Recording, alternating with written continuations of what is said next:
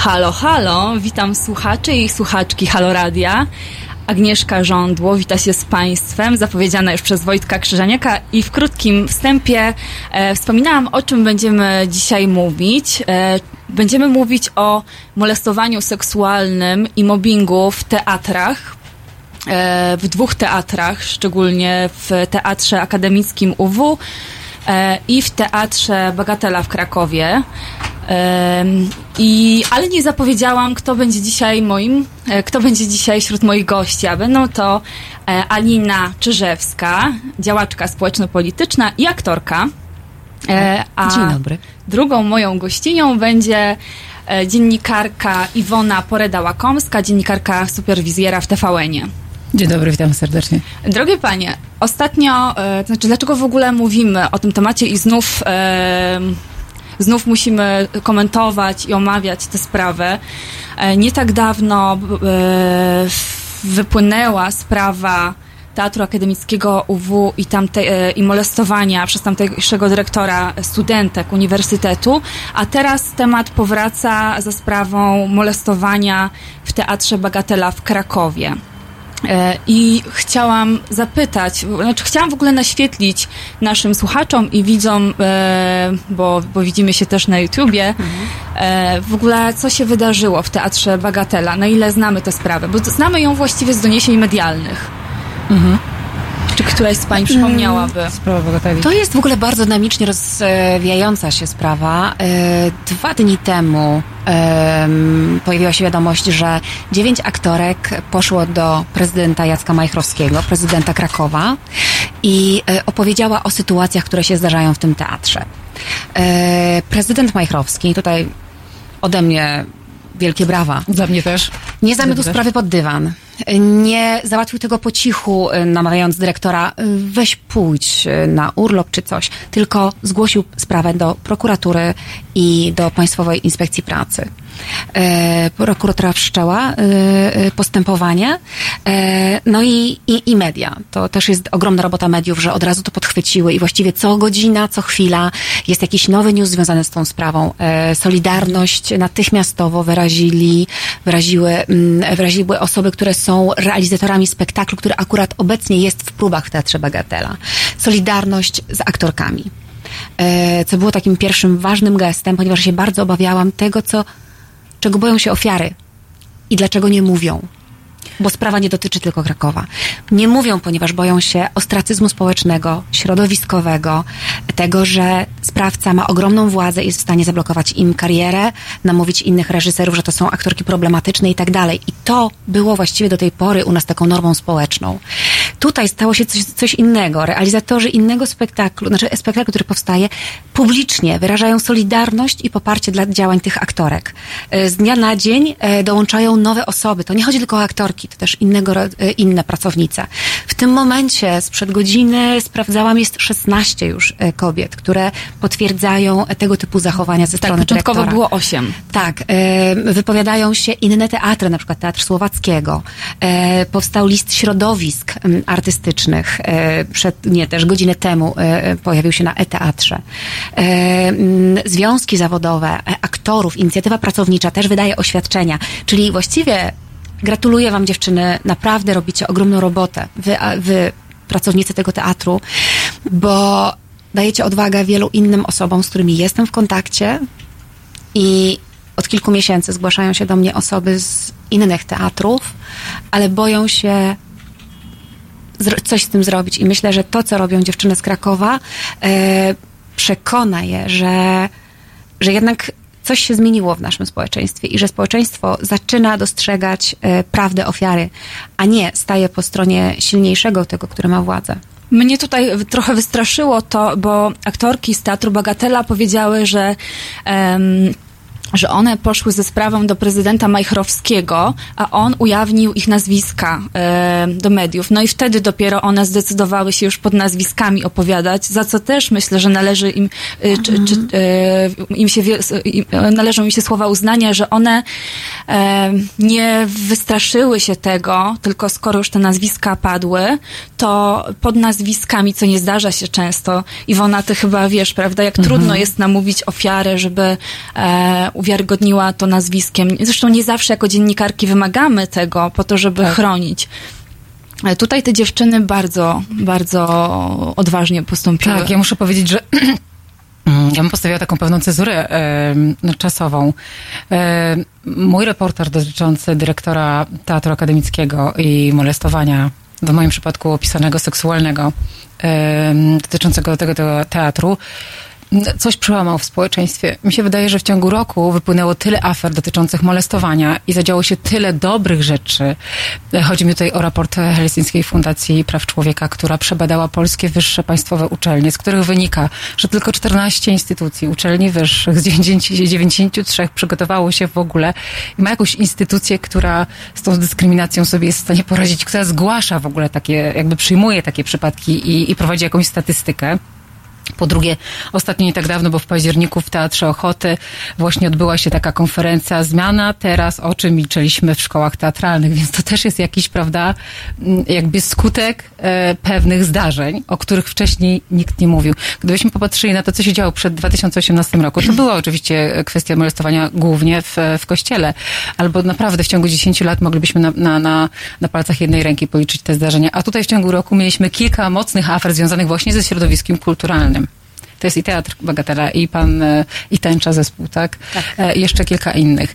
E, I ja pamiętam, że e, właściwie ta sprawa, którą się zajęłam, czyli, dotycząca teatru akademickiego, e, wypłynęła zupełnie przypadkiem. E, Osoba, która się tym zgłosiła, mm, tak naprawdę znała mnie dobrze e, i mi zaufała i opowiedziała mi to właściwie w sekrecie. E, Ja oczywiście e, słuchając jakichś ogólników, poprosiłam o szczegóły opisujące przebieg prób e, i wtedy złapałam się za głowę.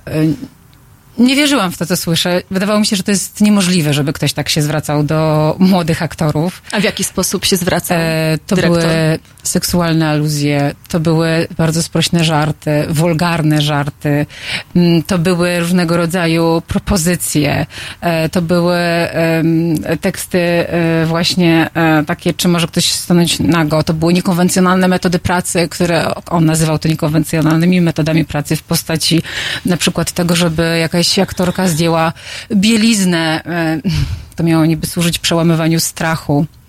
To były dziewczyny w wieku 18, e, 20 lat, tak? To były licealistki, czasami gimnazjalistki i studentki. To były osoby zupełnie nieświadome tego, bo wkraczały dopiero właściwie w tę, e, na tę drogę artystyczną. To było na przykład e, wkładanie łyżeczki do buzi e, e, i, i pod takim, z, takim, e, z takim tekstem, żeby otwierać buzię, jakby się robiło loda. Był w stanie komentować nieustannie urodę dziewczyn. e, Na zasadzie masz e, piękne usta, właśnie jakbyś umiała robić loda. E, tak, robił mnóstwo takich podtekstów, wypytywał w ogóle o sytuację rodzinną, e, sugerował, że mamy iluś tam kochanków, e, opowiadał bardzo często o swoich doświadczeniach ze szczegółami seksualne, seksualne doświadczenia, tak? Opowiadał ze szczegółami, kiedy stracił dziewictwo i tak dalej, i tak dalej. Tego było bardzo dużo. Mhm. E, I działo się to i działo w się ciągu to- kilkudziesięciu lat, bo Tak. dyrektor został w latach 90. zatrudniony w Tak. teatrze akademickim.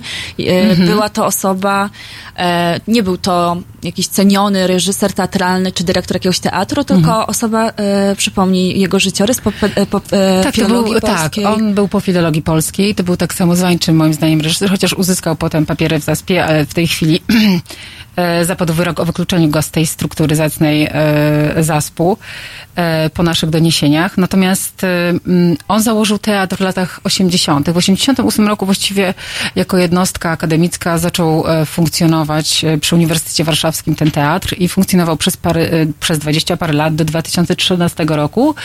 Kiedy to teatr e, przestał istnieć, go wyrzucono.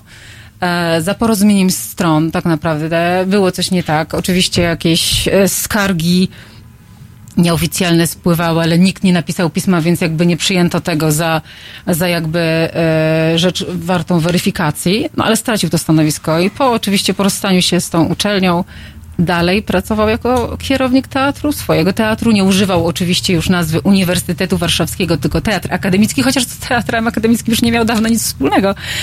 E, I tak naprawdę był nadzorowany przez Fundację Teatr Akademicki, którego sam, której sam był prezesem, czyli sam siebie kontrolował. I dalej wabił w internecie poprzez castingi, wysyłanie maili do szkół, do liceów, właśnie młodych, e, młodych dziewczyn, e, licealistek, modelek, studentek. I to, co pozwalało mu się tak naprawdę uwiarygodnić, że ma jakąś pozycję, chociaż jej absolutnie nie miał, to było między innymi to, że on się nieustannie powoływał na wpływy, właśnie na uniwersytecie, w szkole teatralnej w Warszawie, wymieniał nazwiska rektorów, e, profesorów z Wydziału Aktorskiego, których zna.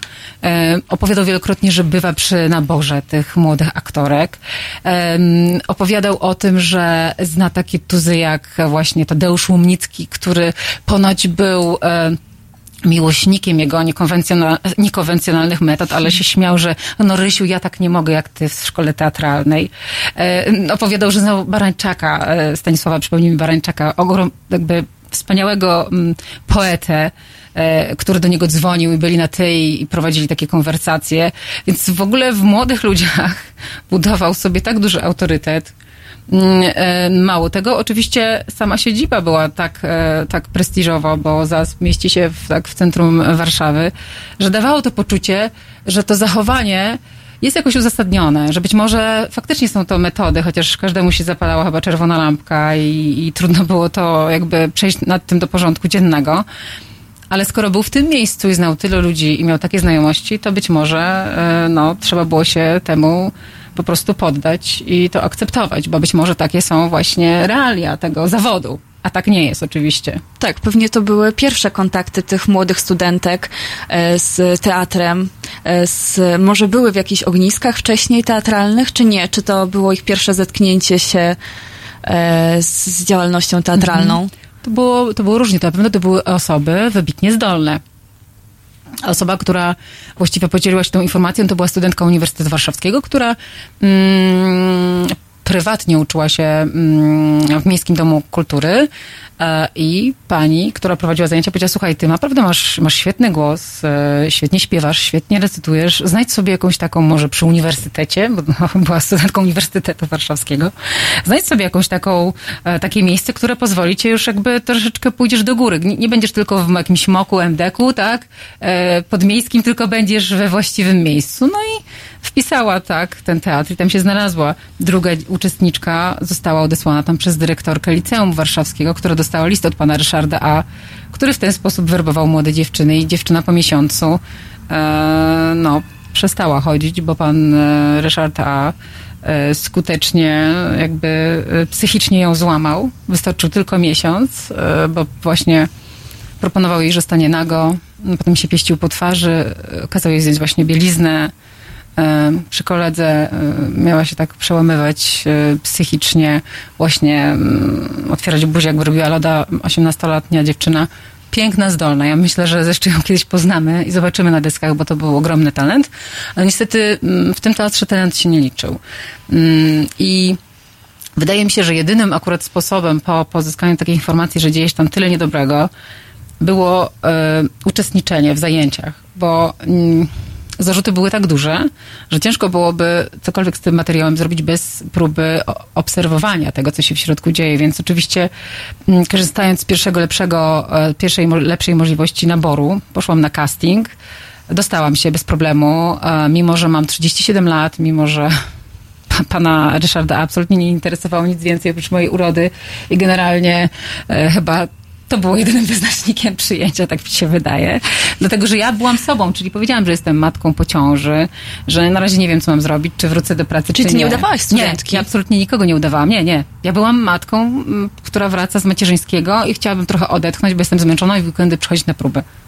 E, Nawet mnie nie zapytał dokładnie, ile mam lat, a jak e, potem spekulował, to ja mówię, na pewno jestem najstarsza i A mówi, nie, nie, to nie jest istotne. Nie zapytał mnie, co studiowałam i tak dalej, więc e, używam swojego prawdziwego imienia i, na, i nazwiska, więc e, w, w ogóle jakby... e, to- Dość nieostrożny. Dość nie, nie, myślę, że to po prostu już te Ja, lata ja myślę, że po tylu latach rutyny tak, jego, jego- on, on w ogóle e, Tylu latach czuł się tak i bezkarny. tak, tak, tak. Zauważmy, że przecież on działał jako e, instytucja, jako e, teatr 20 parę lat. pod auspicjami Uniwersytetu Warszawskiego. Tak. Tam było Teatr Akademicki Uniwersytetu Tak. Warszawskiego w nazwie.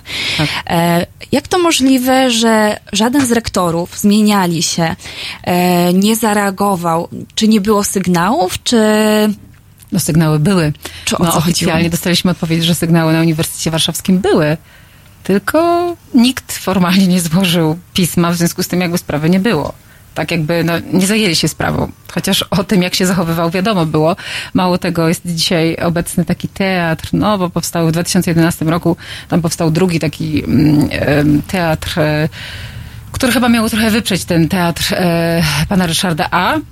I ja zwróciłam się również do nich z, z zapytaniem, czy do nich też docierały takie informacje przez lata, nawet przez te ostatnie lata, o tym, co działo się w, w Teatrze Akademickim i powiedzieli, że tak.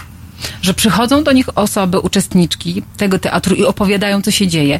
Niektóre przeszły taką traumę, że nawet na moją prośbę nie zgodzą się o tym opowiedzieć.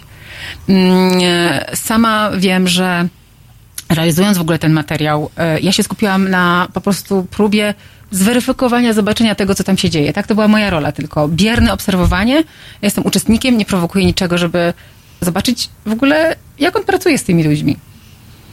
E, I po ujawnieniu tego, co tam się dzieje, po te, e, następna, następna przyszło, przyszło ogromne zaskoczenie, że to nie jest tylko tu i teraz ostatnie 3-5 lat, tylko się zgłaszają dziewczyny sprzed 11-12 lat, a nawet sprzed 30 lat są historie. Tak, gdzie on jeszcze jako adiunkt e, teatru w Olsztynie, werbując do, do swojego teatrzyku, e, również dopuszczał się takich, e, takich rzeczy, jak właśnie mm, jedna z relacji jakby przedstawionych przez, przez tą uczestniczkę, wówczas licealistkę, była dość wstrząsająca, że on pod pretekstem próby zwabił ją do domu aktora i tam rozebrał, rozebrał się i, i, i, i, i penisem po prostu ją gładził po rękach. I to było pierwsze doświadczenie tej kobiety, jakby młodej kobiety, tak, jakby z, z, z fizycz, fizyczne, z mężczyzną. Ona powiedziała, że dzisiaj ma 50 parę lat i do dzisiaj ma wyrwę. Ona już jest mężatką. Ale ona do dzisiaj milczała i tak się ucieszyła, że ktoś w ogóle tknął tą sprawę. I dlatego ona mówi z twarzą, bo sama jest matką córki, lekarki, że ona nie chce, żeby to się działo. Ona powiedziała, że była w konfesjonalne e, zeznać, co się stało, bo nie było ko- do kogo pójść. Dzisiaj też nie ma, nie ma na razie do kogo pójść. Mam nadzieję, że po prostu jedna sprawa, druga sprawa, to nie jest już jakby zamknięty krąg, tylko już jest, zaczyna się robić sprawą publiczną. Debatujmy. Być może jest to też jakaś forma wywarcia wpływu na to, żeby systemowo zacząć działać, e, prewencyjnie i surowo karać. I może w ten sposób po prostu mm, uda się nam mm, zminimalizować, tak, ten, ten sposób e, no, nadużyć ze strony mm, no, osób, które, które opiekują się tak naprawdę, czy to uczennicami, czy to aktorami, tak? Bo pomimo lat bezkarności i mm, takiego przeświadczenia tego Ryszarda, e, dy- dyrektora Ryszarda e, o tym, że nic mu nie można zrobić, jest tak ustawiony, że ani rektor, ani środowisko aktorskie, ani rodzice Tak. studentów, studentek nic nie robią, to jednak e, zostały mu postawione zarzuty. Jak, e, na jakim etapie jest teraz śledztwo? Tak, prokuratura zajęła się sprawą. E, Śledztwo jest cały czas w toku. E, Badane są tak naprawdę te historie, zbierane są histo- historie. E, Nie wiem, ile dziewczyn się zgłosiło, bo takich informacji, takie informacje nie są mi udzielane. Mm, Natomiast wiem, że może ta grupa nie być taka duża, jak, jaka, jaka, jaka, jakiej by się, bym się spodziewała, bo rozmawiałam z dziennikarką dużego formatu, do której po tym reportażu również zgłosiły się dziewczyny, mm, między innymi trzynastolatka, której ojciec był w dobrych relacjach z tym panem Ryszardem A i za sprawą którego inicjatywy trafiła w jego ręce, żeby się szkolić. I tam dopuszczał się okropnych rzeczy. I ta trzynastolatka wówczas, która ma dzisiaj dwadzieścia parę lat, e, przeżyła taką traumę, że powiedziała właśnie e, Monice Redzisz, autorce dużego reportażu dotyczącego teatru akademickiego w, w Wysokich Obcasach, że nie ma siły po prostu e, e, iść na, do prokuratury i zeznawać, tak? Więc, więc e, tak naprawdę czasami przypadek e, decyduje o tym, że jakaś afera zostaje ujawniona. My tutaj mówimy o dziewczynach, które miały e, 20 lat, które które nie były tak silne i dopiero po wielu latach, kiedy one są matkami, kiedy już mają jakieś pozycje, są doktorantkami, e, tak, mają odwagę powiedzieć o czymś publicznie. Nawet te aktorki z teatru Bagatela, tak, one mają, również są już dorosłymi, dojrzałymi kobietami. I dlaczego one też jakby milczały tak długo? Możemy się wspólnie zastanawiać, dlaczego dopiero teraz, tak? Dlaczego w ogóle te sprawy wychodzą e, w, po tak długim czasie? Bo niektórych to wciąż dziwi, jakby nie rozumieli, jak dużą to jest traumą, jak dużo, zwłaszcza osoby w tym środowisku, pracujących na scenie, z aktorami. Przecież to jest cały ten świat, y, on nie jest oderwany od kontraktów, od, od możliwości realizowania się na różnych scenach. Y, I, i, i, I to jest realna obawa tych osób, jeśli na razie dzisiaj cały czas czasami istnieje taka takie poklepywanie się po, po, po plecach i ukrywanie pewnych zdarzeń, e, e, jakby taka, taka obawa utraty pracy. Nawet w Krakowie, no, no, no jest tylko, są Do tego Iwona, jeszcze... dziewczyny, chciałabym wrócić do tematu. Teraz e, posłuchamy piosenki jakże e, Faithless, jakże wymownym e, tytule, tak, bo to jest tytuł, Insomnia. Tytuł Insomnia. E, I będziemy jeszcze dalej e, rozmawiać. Niech wybrzmi Insomnia.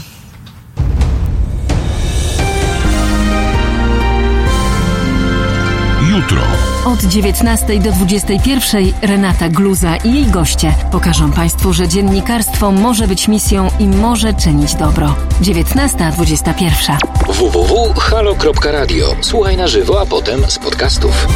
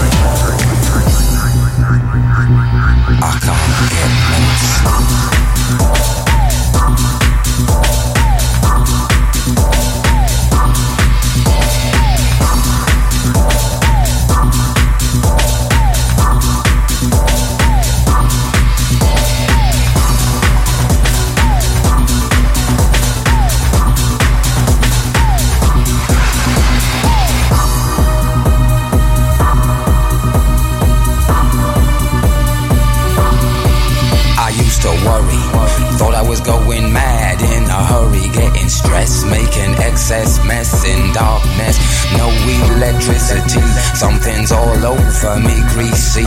Insomnia, please release me and let me dream of making mad love to my girl on the heath.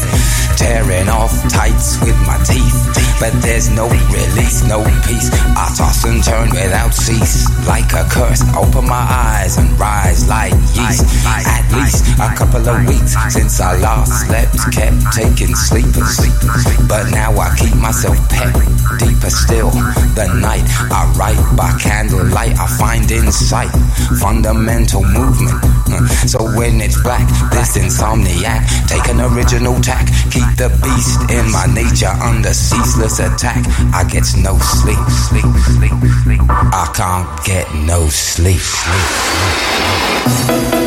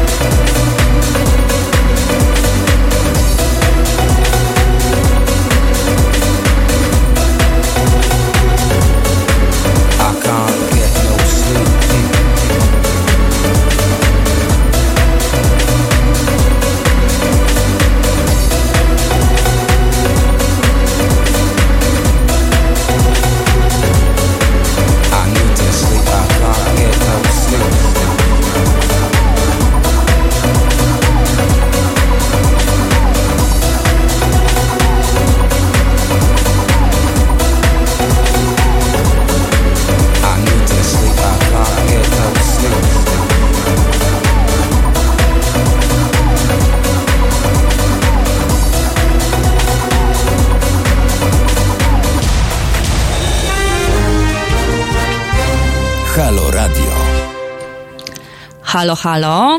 Jest godzina 17.29 na naszych zegarach e, redakcyjnych.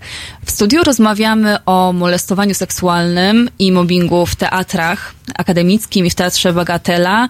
E, I w moim studiu gościniami są e, Iwona Poreda-Łakomska i Alina Czyżewska. E, I chciałabym porozmawiać o tym, e, jak to w ogóle się stało, że latami są możliwe takie sytuacje, gdzie bez żadnych konsekwencji e, całe środowisko milczy, gdzieś tam tajemnica Poliszynela fruwa. Odpowiedzi znajdziesz na, patrząc na komentarze pod naszymi postami, pod artykułami, które się zdarzają. Na przykład kolega mi teraz napisał, powinny zmienić, powinny zmienić teatr. Powinny zmienić pracę. Nie.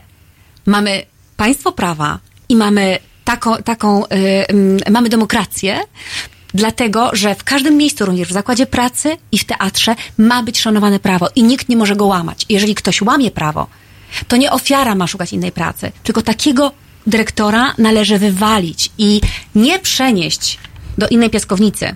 Nie przenieść jak księdza z parafii na parafię, bo takie rzeczy też się zdarzają. E, tylko właśnie wszcząć odpowiednie procedury. Prokuratura, nie przeniesienie do innego teatru. Co też mam takie, tako, tak, taką sytuację z niedawna, takie zgłoszenie. Od y, kilka miesięcy temu zadzwoniła do mnie anonimowo e, dziewczyna, aktorka z jednego teatru, która zobaczmy, jaki to jest strach. Nawet dzwoni do mnie po pomoc, ale nie powie, kim jest. Ja też nie jestem policją, nie jestem dziennikarką, jestem Mogłaby osobą, się która- przyznać, ale jednak się tak, boi. Jestem osobą, która gdzieś tam za, z, ryzykuje, zabieram głos publicznie i walczę o, o, o niektóre sprawy i mówię o niektórych sprawach głośno. Więc e, i w paru sprawach gdzieś tam zainterweniowałam po prostu jako obywatelka i stąd gdzieś tam mój telefon gdzieś funkcjonował. Dostałam taki telefon z jednego teatru, że e, mamy dyrektora i właśnie to, co ty powiedziałaś, e, że to jest bardzo podobny schemat działania. E, to jest mechanizm, który towarzyszy ofiarom, że one się wstydzą, że one się boją, że jest e, przecież to jest dyrektor, on ma innych kolegów dyrektorów, to jest małe środowisko. Oni nam już nie dadzą pracy, my będziemy miały etykietkę aktorki e, trudnej, e, reżyserzy nie będą chcieli z nami pracować. Więc to jest ogromny, du, ogromnie dużo lęków e, związanych z tym, dlaczego się nie mówi. E, I no, mm, aktorki w tamtym mieście zrobiły dokładnie to samo, co krakowskie. Poszły do prezydenta. Tam prezydent wybrał opcję no, nie jest najgorsza opcja, ale to nie jest, e, że tak powiem, mm, e, takie no, rozsądne czy jakieś zmieniające w ogóle sytuację. E, Po prostu ogłosił konkurs na, na dyrektora. I ów dyrektor stanął do konkursu i tylko dwie osoby przeszły do drugiego etapu z powodów formalnych. I było realne zagrożenie, że on znowu zostanie na ileś kolejnych lat. A I w tym momencie dostałam... Mhm. że Ryszard A., mimo że dopuścił się tego, e, co potwierdziło tyle osób, tak? E, Dopuszczał się tego, co, co my wyemitowaliśmy i potwierdziły to inne osoby. On we wrześniu startował na dyrektora w Radomiu Teatru. E, W Olsztynie czyli on nie, też. nie siedzi w areszcie? Nie, absolutnie nie. Nie, To nie, ja myślę, że jeszcze długa droga w ogóle pod dużym znakiem zapytania zapytajmy, czy w ogóle do czegokolwiek dojdzie. do czegokolwiek dojdzie. Mhm. Jak wiemy Więc w ogóle mówię, że- gwałty, że- że e, dopóki- no mamy problem w dopóki, ogóle tak. my w Polsce systemowy. Systemowy, za gwałty ludzie nie idą, nie idą do Tak, więzienia. tak, tak, tak. Ale jaka Więc, bezczelność. Tak, molestowanie. Więc- Znaczy mamy ogromny problem I społeczny. taki dyrektor będzie dalej się zajmował się teatrem. tak, znaczy mówię tak, taki jak Ryszard tak, A. tak, tak, tak. Bo startował Tylko- na dyrektora. już tylko. Tylko miejscu. dokończę o tamtym prezydencie. On tylko, e, znaczy był konkurs i wtedy ja zaryzykowałam. E, zaryzykowałam, były tylko dwa dni do drugiego etapu. E, wiem, bo słyszałam o tym, że to nie było dla mnie nowum to, co się dzieje w tamtym teatrze, bo o tym sobie gadamy na, na bankietach, w różnych teatrach i tak dalej. A publicznie nie wypłynęła informacja, że to E, był teatr? Tak. To był jaki? Teatr powiedzmy. Kochanowskiego w Radomiu. Przecież napisałam o tym posta publicznego na Facebooku i pan dyrektor groził mi e, e, pozwem o naruszenie dóbr osobistych. E, więc tak, możemy o tym mówić otwarcie.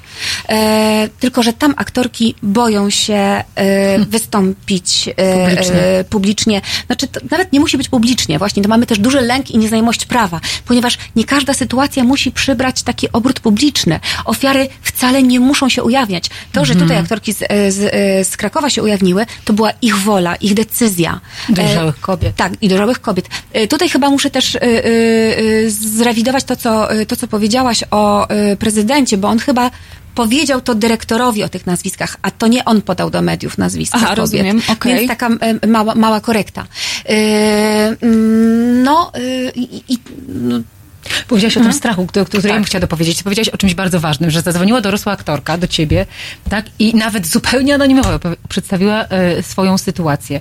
Ja, e, bardzo drastyczną. Ja miałam dokładnie ten sam przykład, bo mówię, my w reportażach dwóch, które stanowiły cykl, obejrzeliśmy tylko wyrywkowo kilka historii, tak? Natomiast e, dokumentowanie i zbieranie i potem o, o, od- odbieranie tych, e, tych maili, tak? Z, z, z indywidualnymi historiami było e, przerażające i była też taka sytuacja właśnie, gdzie, którą bardzo starałam się tej dziewczynie pomóc jakoś e, dotrzeć do niej, bo, bo, bo, bo była też osoba, która trafiła do Ryszarda A z, z Białego Stoku e, i coś bardzo okropnego ją spotkało. To znaczy, wiemy tylko tyle że z historii messengerowej, z jedną z dziewczyn, która była zanim ja tam byłam w teatrze, czyli sprzed roku, że przyjechała z tego Białego Stoku i została upita e, i tutaj, i tutaj jakby stało się coś takiego, co, co, co jakby sugerowało, że było coś więcej. I zapytała jedną z tych obecnych uczestniczek, której nigdy nie poznała, tylko widziała, że tam w tej grupie jest wypisana ta osoba. I, I miała nadzieję, że może to będzie jakaś próba pomocy, że ona się czegoś zahaczy, że zapycha chociaż, tak jakąś nieznajomą osobę, czy ona też to, czy też przez to przeszła. A ponieważ ta dziewczyna jej odpisała, wiesz co, nie, ja, tak, ja takiego doświadczenia nie mam, to ten kontakt się urwał i ta dziewczyna całą swoją korespondencję po, powymazywała. I to był jakiś dramat dla mnie. To znaczy, że była jakaś historia traumatyczna No. młodej dziewczyny, która szukała pomocy u innej dziewczyny i ponieważ zderzyła się z murem, że ona jako jedyna przez to przeszła, bo tamta dziewczyna zupełnie bez takiego wyczucia jej odpowiedziała, to ona nie chcąc jakiegoś narazić na ostracyzm, że tam było imię, nazwisko, że ona może być może go pomówiła, może ona jest jakaś dziwna, tak, może jest łatwa, bo to też jest takie skojarzenie zaraz, Tak, tak, właśnie miałam to pytać. wycofała się z tego, kasując całą dokumentację i myśmy się próbowały do niej dotrzeć, bo, tak? Bo, bo to świadczy o tym, że jest jakiś dramat. Już nie mówiąc o tym, że on gdzieś tam z relacji innej dziewczyny no, potrafił się rozebrać i obnażyć. Mhm. Co, co, co czują takie o, ofiary, że nie zgłaszają tego na przykład na policję bezpośrednio? To trzeba by je zapytać. Ja się tu nie czuję za bardzo upoważniona, ale tylko wie, wiem, co od nich słyszę. Y, No właśnie to utrata y, możliwości pracy, utrata wstyd. zarobkowania. E, wstyd, y, tak. wstyd, takie I to, poczucie to, winne? I to, Tak. co się dzieje, Poczucie winy. to, co robi widownia, czyli społeczeństwo. E, czyli, że no to, e, to jej wina. E, to niech zrezygnuje z pracy. E, ktoś mi napisał aferzystki. Znaczy, to są-. Tak, nadwrażliwe. I jeszcze pojawia się takie... To ja mam takie pytanie. Hej, Łatwe. kolego, każdy człowieku, mężczyzna, kobieta, który takie coś mi pisze, albo gdzieś w komentarzach, albo ma taką myśl na temat tych dziewczyn, czy jakichkolwiek innych, które doznają molestowania, a zapytaj siebie, gdyby twojej córce, żonie albo siostrze, koleś, który ma nad nią władzę, jest jej dyrektorem, i od niej zależy jej, e, e, jej życie i jeszcze się wmawia, że na tym polega bycie aktorką, że nie masz granic, no to e, czy ty, to, ty byś był szczęśliwy? I czyś do, czy byś doradzał swojej żonie, córce, e, e, partnerce, siostrze, tak, znoś to, bo to jest normalne, Ale to nie jest- że ci twój pracodawca wkłada język do ucha, że mówi ci o tym, żeby cię chętnie zerżnął, albo opo- opowiada ci swoje fantazje seksualne o innych albo o tobie. E, Kiedy zapytałam jednej dziewczyny, z którą mam kontakt z innego akurat miasta na Śląsku, ile czasu podczas prób przeznaczasz takiego operacyjnego swojego na unikanie, myślenie co będzie, e, na, na stwarzanie sytuacji, żebyś nie była czasami e, sama, tylko żeby cały czas z kimś, żeby nie wyjść ostatnia, e, żeby nie być za blisko i, i ona mówi 90% i właściwie ona sobie zdała z tego sprawę, że 90% właściwie czasu na próbie ona się zajmuje unikaniem albo baniem się, albo organizowaniem sytuacji tak, żeby uniknąć. To jest chore. Nie tym jest miejsce pracy. Ale takie osoby się nie zmienią, dlatego że e, kontynuując to, co ty mówisz, była sytuacja, kiedy jedna z dziewczyn postawiła się mu i jakby wyłuszczyła to, jak się czuje i że to są granice jej. On obiecując poprawę zrobił dokładnie to samo. W momencie, kiedy ona wyszła wydrukować swoje kartki, on poszedł za nią i powiedział, że znowu mu staje, powinna się cieszyć, że jeszcze takiego starego bierze. Więc ta dziewczyna już totalnie sparaliżowana, po prostu nigdy nie wróciła na próbę. Po prostu ten jakby pewien, e, pewnie ludzie się nie zmieniają i jakby oni nie mają granic, oni w ogóle nie wyczuwają niuansów. Poza tym, że e, osoby, z którymi ja miałam do czynienia, to są młode osoby, tak? To są licealiści, to są e, dziewczyny, które dopiero przyjechały do dużego miasta. I one okupiły to ogromnym stresem. E, Ta licealistka, przezdolna dziewczyna, która była obsadza, obsadzana w główny, jako główna, e, miała główne role w spektaklach w tym liceum i jako najzdolniejsza została odesłana do pana Ryszarda A, zawaliła rok. Chodzi do psychologów. E, Czy ktoś, czy ktoś za to ponosi jakąś winę? Czy, czy, czy ten człowiek odpowie za, za, za, za krzywdę tych ludzi, czy, czy nie? Czy można, e, czy można wszystko, jakby wszystko wpisać w, w, w, w, w pracę z aktorem w łamanie aktora? Mało tego, powiedziałeś jeszcze jedną ważną rzecz, która mi się przypomniała. To dezawuowanie ludzi albo opowiadanie zmyślonych ludzi publicznie o kimś, kto ci się postawi. To bardzo często e, funkcjonuje ten mechanizm. Na naszych zajęciach pan Ryszard A. dezawuował kilka osób i to z nazwiska e, że to takie słabizny. A to, e, no więc postanowiłam sprawdzić, bo to dzisiaj są znane osoby, między innymi e, e, aktorka Teatru Narodowego. Więc zadzwoniłam do niej. Oczywiście powiedziała, że absolutnie to ona odeszła, bo nie mogła na to patrzeć. I, i, i on to robił w latach 90., czyli gnębił i upokarzał nie tylko dziewczyny, ale też chłopaków. Tylko chodzi o to, że gdybym ja się z nią nie skontaktowała, bo byłam dziennikarzem, tak, a nie tylko uczestniczką, to bym myślała, że to jakaś skończona idiotka, która nie zrobiła kariery. A de facto to, była, to jest przezdolna dziewczyna, która, której dzisiaj nazwisko wszyscy, wszyscy znamy. Właśnie jednym... I jeszcze jedna rzecz chciałam tylko podkreślić. E, e, Jeżeli czegoś nie zmienimy, ale mówię zupełnie serio, jeżeli nikt tego dzisiaj nie przełamie strachu przez ostracyzmem i brakiem utratu pracy w aktorstwie, to nadal tak będzie. Ja, realizując ten materiał, wiedziałam o dziewczynach, które chodziły przed lata do pana Ryszarda A i bardzo mocno psychicznie to przeżyły. Dzisiaj pracują od e, Opery Narodowej przez różne teatry znane. Ja z nimi rozmawiałam po, po londyńską szkołę. Żadna się nie zgodziła na publiczne opowiadanie historii, ale potwierdziły zdarzenia, że jeździły na fora ekonomiczne, że były stawiane w dwuznacznej sytuacji, gdzie miały pokazywać e, w krótkich spódniczkach, miały sponsorów pozyskiwać, że miały się mistrzyć, bo w ten sposób miały zarabiać na ten teatr, że przynoszono do hotelu alkohol. To, to są ich historie. I siedziały z jakimś znanym biznesmenem. A czy Tak, że, że to wszystko wymykało się spod kontroli jakby. I, a na moich zajęciach była wprost aluzja, że my jesteśmy tak biednym teatrem, bo gdybyśmy były lojalne, mówię, to z moich zajęć, to kasa by się lała, tylko która by poszła i zrobiła loda. Więc o czym my w ogóle rozmawiamy? Na jakim poziomie? O, o, o, o sztuce czy o prymitywnych? Nie, nie wiem, ciężko to sklasyfikować w ogóle, ale, ale te, te, tak jak czytałam w ogóle te doniesienia o teatrze Bagatela, te teksty, ta pewność siebie, ta, ta, ta, ta zależność, tak jakbyś gdzieś słyszała już. tak jakbym już miała taki po prostu flashback. Po prostu, że to cały czas są te same, te same I argumenty. tak, I tak łatwo się zasłaniać w, ogóle swobodą artystyczną, prawda? W, te, tak. w, w sytuacji, I kiedy tak są jeszcze aktorki. My to przecież, teatr że on- jest bardzo Tak. e, podatnym polem na tego typu Tak, bo e, słyszymy- opinie, wyobrażenia, że aktorki, Musisz. Aktorka musi umieć e, wszystko zagrać, a, tak? A, ta- taki pedagog to musi, to on cię otwiera, nie? Tak. I ty musisz się wyzbyć wstydu. Przekroczyć swoje granice, tak, wszystkie, tak, tak. seksualne, to, mentalne. Ale to właśnie robiłam e, ankietę m, a propos m, właśnie tej, tej konferencji, o, o której wspomniałaś. E, na potrzeby tej konferencji e, zrobiłam ankietę, wysłałam e, zapytania do studentów, studentek, absolwentów, absolwentek o przemocy w szkołach teatralnych, o czym milczeliście w szkołach teatralnych. No i tam przemoc nie pochodzi tylko od, od, y, od mężczyzn, również od kobiet. E, I nie chodzi tylko o kwestie, które byśmy oznaczyli hashtagiem MeToo, ale również po prostu przemoc fizyczną, upokarzanie. e, Upokarzanie słowne, naruszanie granic ciała, oczywiście y, y, molestowanie również ze strony kobiet, pedagogzek również. A czy to jest tak, że e, w szkołach teatralnych, trochę jak w seminariach duchownych, gdzieś łamie się, to się nazywa formacją duchową? Czy też możemy mówić o tym, że Tak. w jakimś sensie tam się mm, przygotowuje aktorkę do takiego ślepego posłuszeństwa, właściwie tego przekraczania granic, a potem już łatwiej jest takiemu dyrektorowi nią e, manipulować? E, Aktorką tak- czy aktorem? Ta, e, tak jest, natomiast e, nie wydaje mi się, że to jest tak, że tak powiem, wyreżyserowane, że, żeby tak było, to my tak róbmy. Nie, my mamy takie normy społeczne. Tak. U nas się tak Ja po prostu uważa.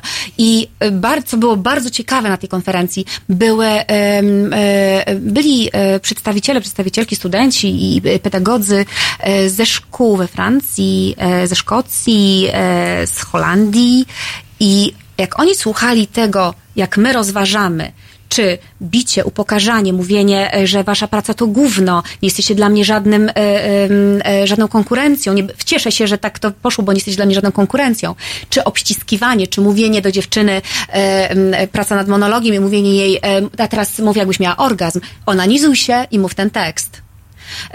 I oni mówili, a my rozważamy, czy to, czy to pomaga otwierać, czy nie, bo komuś tam jednak pomogło otworzyć. Oni mówią, ale o czym wy mówicie? Kick them out. To nie są metody. Tak się nie pracuje. Jeżeli na zachodzie można kształtować aktorów bez kopania, bez szczypania, y, bez upokarzania, bez y, kazania rozebrania się przy innych, po prostu przychodzi profesorka i mówi, a ty, ty, się rozbierz. Ale ja chciałam powiedzieć... Nie, ale no, Tak. nie, no, to jest publiczne upokarzanie. Czy ty też masz takie doświadczenia ze szkoły teatralnej? Ja na szczęście nigdy nie zdawałam do szkoły teatralnej. Ja jestem uformowana teatrze ofowym, alternatywnym, gdzie duże znaczenie miała wspólnota. I my byliśmy ludźmi, którzy się lubią i lubią razem pracować. I jakoś tak po prostu wyszło, w, w, że, że przeskoczyłam do tego e, zawodowego, e, więc nie mam tego doświadczenia, jak to było w szkołach teatralnych, natomiast no, pracuję z osobami, które były i od nich wiem, jak to było. No i poza tym ta ankieta dostarczyła mi takiego materiału, że nawet niektórzy profesorowie nie zdawali sobie sprawy, dopiero jak przeczytali tę ankietę, zobaczyli, bo jedna, y, miałam taką jedną odpowiedź od innego mojego znajomego, który jest wykładowcą w jednej ze szkół i on napisał, Alina, być może i ja przekraczam również granice, ale ja tego nie umiem rozpoznać, nie wiem, być może tak. Jeżeli coś, to czy opublikujesz te wyniki badań, bo ja bym chciał to przeczytać i dowiedzieć się, czy ja coś złego robię. To był akurat ten profesor, który był wskazywany przez, uczest- przez y, y, y, osoby, które wypełniły tę ankietę, jako ten, który daje siłę, daje inspirację i jest naprawdę świetnym pedagogiem. W tej konferencji, na której przedstawiałaś wyniki ankiety, czyli o czym milczeliśmy w szkołach teatralnych, tak? Bo to, to była konferencja zorganizowana. Wzi- Wziął udział e, Wojciech Malajkat, rektor e, szkoły te- To w ogóle tak, była e, teatralnej. konferencja, odbyła się w Teatrze Ochoty, ale organizowana przez Akademię Teatralną. Czyli sama Akademia, która e, niedawno zmierzyła się z taką też burzą, która wypłynęła e, w związku z molestującym profesorem. Tak, E, wprowadziła, tak, tak, która wprowadziła e, zapisy w statucie o, e, e, o pełnomocniczka, nie wiem jak się nazywa dokładnie, ale właśnie osoba, która ma, ma za zadanie być, być osobą, która będzie pilnowała, żeby do takich rzeczy nie dochodziło. Jak pan Malajkat zmierzył się z tym problemem molestującego profesora? Za pomocą mediów. Bo ja e, no właśnie zajmując się sprawą teatru akademickiego, e, skontaktowałam się z e, reżyserką, która kończyła tą akademię i właśnie Wydział Reżyserski, co do którego te zarzuty, którego e, jakby szefa tego wydziału, tak, e, te zarzuty dotyczyły. I reprezentowała studentów w Senacie, więc ona powiedziała, że to lata trwało.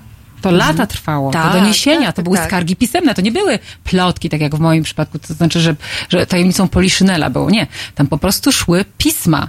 I mimo tego e, Akademia Teatralna nie reagowała. W związku z tym ich pomysłem było tylko jedno, pójść do mediów i trafiła sprawa do Gazety Wyborczej. Po tym artykule obiecano, że coś się stanie, więc oni powiedzieli pas, na razie nie rozgłośniamy tego dalej. I znowu było jakiś taki chwila przestoju i znowu jak to, jak to wróciło do, do jak tam poszedł list właśnie między innymi Moniki Strzępki, e, e, Glińskiej i w szeregu innych bardzo znanych e, reżyserów, to, to znowu jakby zaczęli się bać, że to być może faktycznie za grubo, żeby, żeby bagate- bagatelizować tę sprawę. I, No, i, ale by ocichła. Gdyby nie media, to by Tak. tego nie było. O to mi chodzi. I tutaj że... jest też moc właśnie raz mediów, e, ujawniania jako członkini sieci obywatelskiej Watchdog Polska.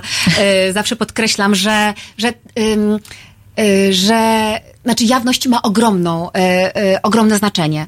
I jeżeli my wydobywamy pewne rzeczy na światło dzienne, trudniej im zaprzeczyć i trudniej udać, że się ich nie widzi. Bo póki się gada w kulisach i coś jest tajemnicą Poliszynela, to można zamiatać pod dywan. Też nie do końca się zgadzam, bo to już drugi raz padło, że, że to nie było formalnej skargi, czy tam była. Nieważne, Tak. czy jest formalna. Jeżeli dziecko zgłasza, Tak. mamo, tato, y, ktoś mnie w szkole molestuje, czy oni podejmują y, działania dopiero wtedy, kiedy dziecko napisze oficjalny wniosek? Nie.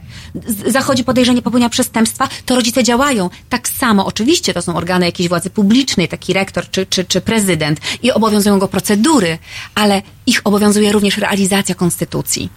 I nie muszą mieć, moim zdaniem, nie muszą mieć wcale formalnego e, zgłoszenia na papierze, żeby coś z tym zrobić, żeby zacząć coś z tym zrobić. Oczywiście formalne kroki muszą się w pewnym momencie zadziać ze strony ofiar, ale żeby zacząć e, coś robić, wcale nie muszą mieć formalnego zgłoszenia. Tylko najtrudniejsze jeszcze chciałam tylko powiedzieć. Znaczy formalnego w sensie papierka, tak? to całe molestowanie jest bardzo trudne dowodowo. I najgorsze jest to, że często do tych najgorszych sytuacji dochodzi sam na sam, w sytuacjach sam na sam, że on podchodzi do kogoś i coś szepcze. Że składa, składa jakąś niemoralną propozycję też bez świadków. Bo jest pewna pula e, tekstów e, i jakby pracy z aktorem, którą wszyscy widzą. I wszyscy przychodzą do porządku dziennego, bo jednak jak nikt nie reaguje, no to ja też nie powinnam, bo będę uważana za jaka, jakoś dziwna, może, Tak, że jak ja dowód, działa uwagę. dowód społecznej słuszności. Jak Więc my nikt nie patrzymy robi, na wszystkich, to jak jak ja nie robi, to ja też nie to będę robiła. A ten człowiek to wykorzystuje, będąc sam na sam z kimś. I tutaj najczęściej do tych wszystkich zdarzeń dochodziło sam na sam. Ja na przykład sobie, i, i my moglibyśmy to referować, ten cały temat, e, z, z jakby z perspektywy osób trzecich, gdyby nie to, że na przykład ja uczestniczyłam w tym teatrze, tak? Ja sobie wypisałam teksty, w które pewnie by nikt nie uwierzył, gdyby nie to, że Tak. one są po prostu Nagrane. Tak powiem, nagrane. No, pan, pan Ryszard A. do, do licealistki mówi, mogę przy tobie siedzieć nago, bo mi się nie chce siedzieć. Chciałabyś, żebym się przy tobie pieścił? A ty będziesz na to patrzeć. E, proponował, e, że może jej lizać cipkę, e, a jeśli, bo już 40 parę lat liże cipki, więc jest w tym dobry, ale jeśli nie on, to żeby e, recytując tą kwestię z tego barańczaka, którego się uczy, u, u, uczyliśmy, żeby jej chłopak łechtaczkę lizał, a najlepiej ssał. To jest cytat z pana Ryszarda A. i zajęć teatralnych e, prowadzonych w Warszawie. Kurczę, teatr nie E, jest miejscem do spełniania swoich erotycznych fantazji. To jest z jednej to, strony. to I podtekstów seksualnych na Tak. zasadzie ktoś jadł pączka i był tekst o, na cycusia spadł. O ja. Tak? E, Znaczy jakby, wiecie, e, jeżeli chodzi o, o ilość tych tekstów i tych niuansów, jest ich tak wiele, bo tych spotkań przecież jest co tydzień, e, co, co weekend były to, to dwa spotkania po 9 godzin. Tego się nie da spamiętać, już w pewnym momencie po prostu jest tego za dużo, tak? Tego jest po prostu za dużo. Mnie oczywiście pytał o fantazje erotyczne, o to, czy mógłby do mnie o trzeciej nad ranem zadzwonić, bo mu Tyszkiewicz młodą przypominam, tak? No i, no i, no i moje fantazje. Więc u mnie raczej ja, ja jakoś tak widział, że też jakoś. e, Ja mówię, że raczej nie, bo może zareagować, natomiast co do innych ewidentnie przekraczał granice i w ogóle imputował. On miał też taką e, zasadę, że w zależności, właściwie nie dało się mu nic powiedzieć, bo on jakby tego nie słyszał. Jak ktoś mu odpowiadał, że nie ma chłopaka, to on imputował, że na przykład, wiesz co, ale ty tak wyglądasz, jakbyś ty lubiła seks. Mm, I wydaje mi się, że ty, to, że to byś to lubiła, wiesz? Bo jak na ciebie patrzę, to ty masz taki sposób chodzenia. Także w ogóle, y, albo na przykład pytał y, jedną z dziewczyn o jej sytuację rodzinną i ona powiedziała, że nie, ona przyjechała teraz na studia, na psychologię i, i, i tutaj, i że jej tata y, za granicą pracuje w Belgii, no mama została z rodzeństwem w małym mieście, to on powiedział, o, to na pewno lubisz starszych facetów, tak? I ją przytulił. Więc mówię, mm, no to trzeba... pole do użyć. no jest Ja tak też Jeden duże. z panów tutaj też sobie- napisał Piotr Lak na naszym czacie YouTube'owym, zniesmaczony jestem. No zre, zresztą e, pojawiały się wcześniej na czacie określenia polskie piekiełko, zwyczaje folwarczne, także nasi słuchacze naturalnie są zdegustowani tymi cytatami, ale myślę, że warto cytować, tak, bo mówienie ogólnikowe może nie e, nie, znaczy ogólnikowe może nie uświadamiać ludziom, o jakich e, prymitywnych zachowaniach mówimy, stosowanych przez ludzi na, e, zajmujących się kulturą. E, Ale to dotyczy w ogóle ludzi, którzy e, są na stanowiskach i mają jakąś władzę nad innymi. B- e, polecam wszystkim, teraz wpisujcie w Google'a. Daj- daj Psychologia władzy, Bogdan Wojciszkę, PDF. Oho. E, To jest taki artykuł zbierający różnego typu badania, e, polskie i, e, i światowe, jakieś zagraniczne, dotyczące tego, co się dzieje z nami w, w postrzeganiu świata, w hormonach, w psychologii poznawczej, kiedy nawet w warunkach takiego badania, eksperymentu jakiegoś psychologicznego, komuś zostaje wyznaczona rola przywódcy. Jego postrzeganie świata, jego możliwość wczucia się w inną osobę, spostrzegania e, e, e, czegoś z innego kąta widzenia oraz empa, empatia spada, nie? I to jeżeli to nawet w takich warunkach laboratoryjnych na nas wpływa, to sobie pomyślmy, co się dzieje z osobą, która naprawdę ma realną władzę i może decydować o tym, czy ty będziesz aktorką, czy nie będziesz aktorką, albo czy będziesz miała pracę, czy, czy będziesz miała rolę, czy nie.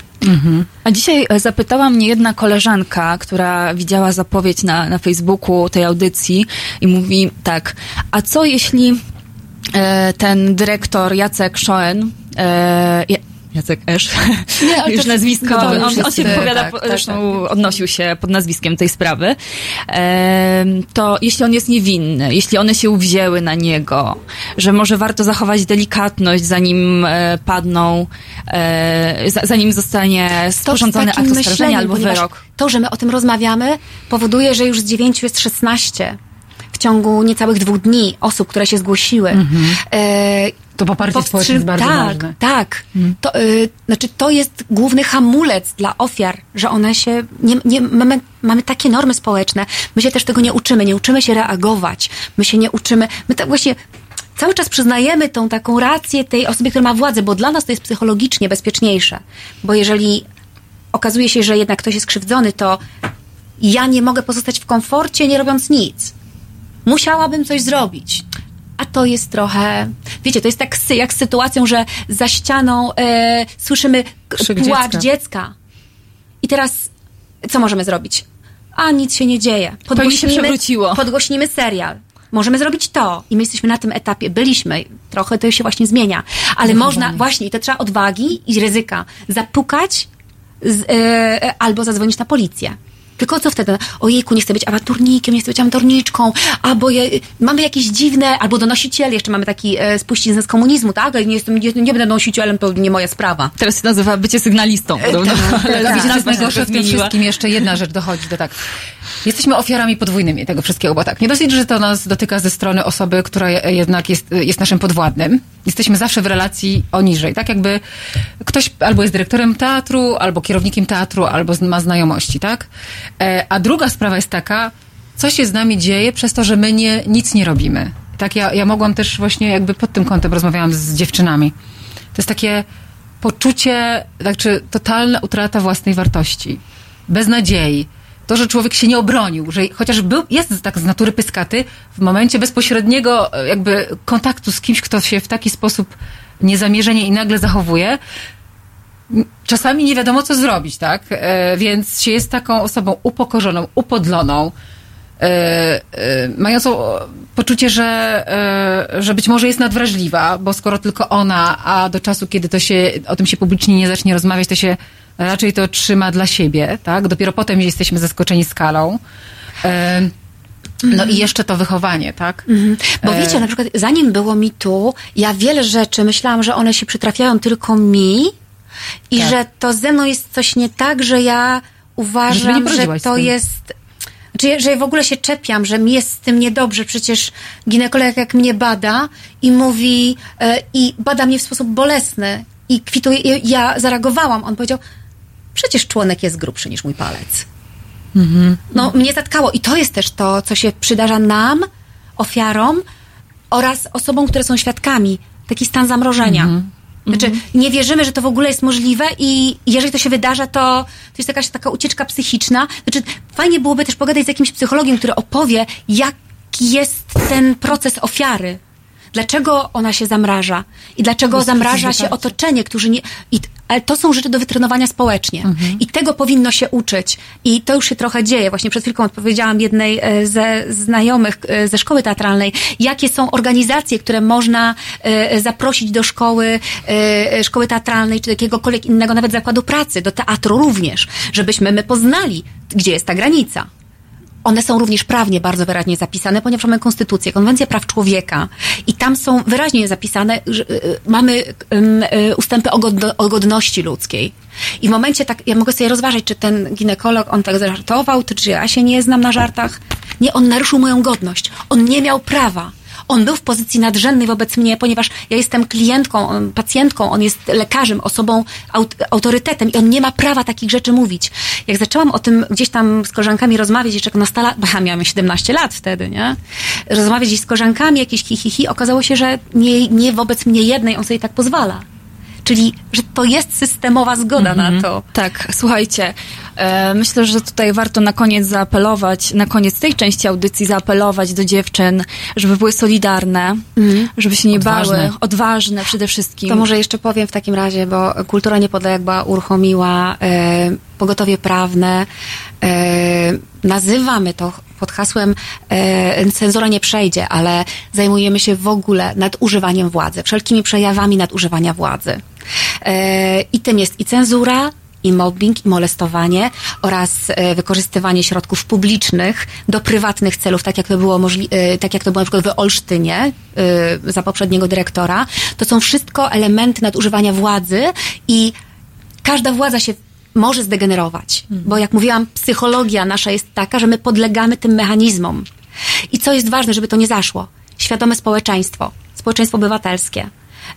I to jest nasza robota, środowiska, żebyśmy stra- stwarzały, stwarzali komfort mówienia o tym, żebyśmy nie piętnowali ofiar i żebyśmy reagowali. My też bardzo chcemy jako Halo Radio e, uczestniczyć w tym mówieniu o trudnych sprawach, o molestowaniu, o mobbingu w pracy, e, o tym, o czym na, z naszym zdaniem trzeba i warto głośno mówić. Ale żeby się nie E, frustrować, też trzeba powiedzieć, I co z tym bardzo zrobić. też zachęcam Nie no, do tego, żeby Państwo dalej. Uczmy, uczmy się nawzajem. wspierali Tak, tak, nasze tak, tak, tak, radio. tak, tak. Jest taka możliwość na naszej stronie internetowej. E, tam są wszelkie informacje na halo, www.halo.radio, e, jak można wesprzeć Halo Radio. E, Można też e, wspomóc Halo Radio na, w serwisie Patronite. E, Jest też możliwość wsparcia, to już trochę inny temat, e, wyjazdu naszego korespondenta Wiktora Batera do Rożawy, do Syrii na portalu zrzutka.pl. Teraz e, bardzo dziękuję paniom. W studiu ze mną była Alina Czyżewska, aktorka i działaczka społeczno-polityczna i dziennikarka superwizjera w TVN-ie Iwona Poreda-Łakomska. Rozmawiałyśmy dzisiaj o molestowaniu seksualnym i mobbingu w teatrach, a teraz posłuchamy Melikoteluk piosenki Odprowadź. W poniedziałek O poranku między siódmą a dziesiątą budzi Państwa Roman Kurkiewicz, który nawet gdy mówi, to dalej śpi. Halo Poranek od siódmej do dziesiątej. www.halo.radio. Słuchaj na żywo, a potem z podcastów.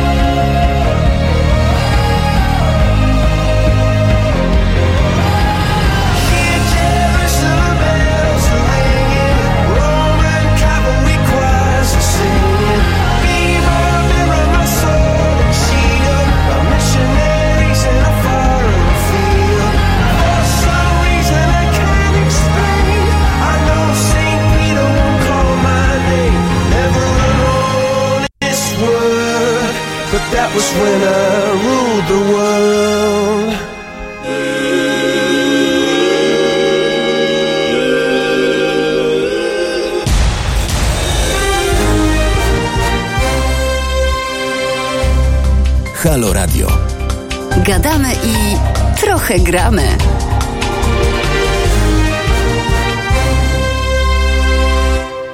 Halo, halo, tu, a, tu żądło ze swoim składem dzisiejszym, diskopolowym. E, Jest godzina 18.09 na zegarze e, i rozpoczynamy drugą, audyc- e, drugą godzinę mojej audycji dzisiejszej. Zrobi się trochę weselej.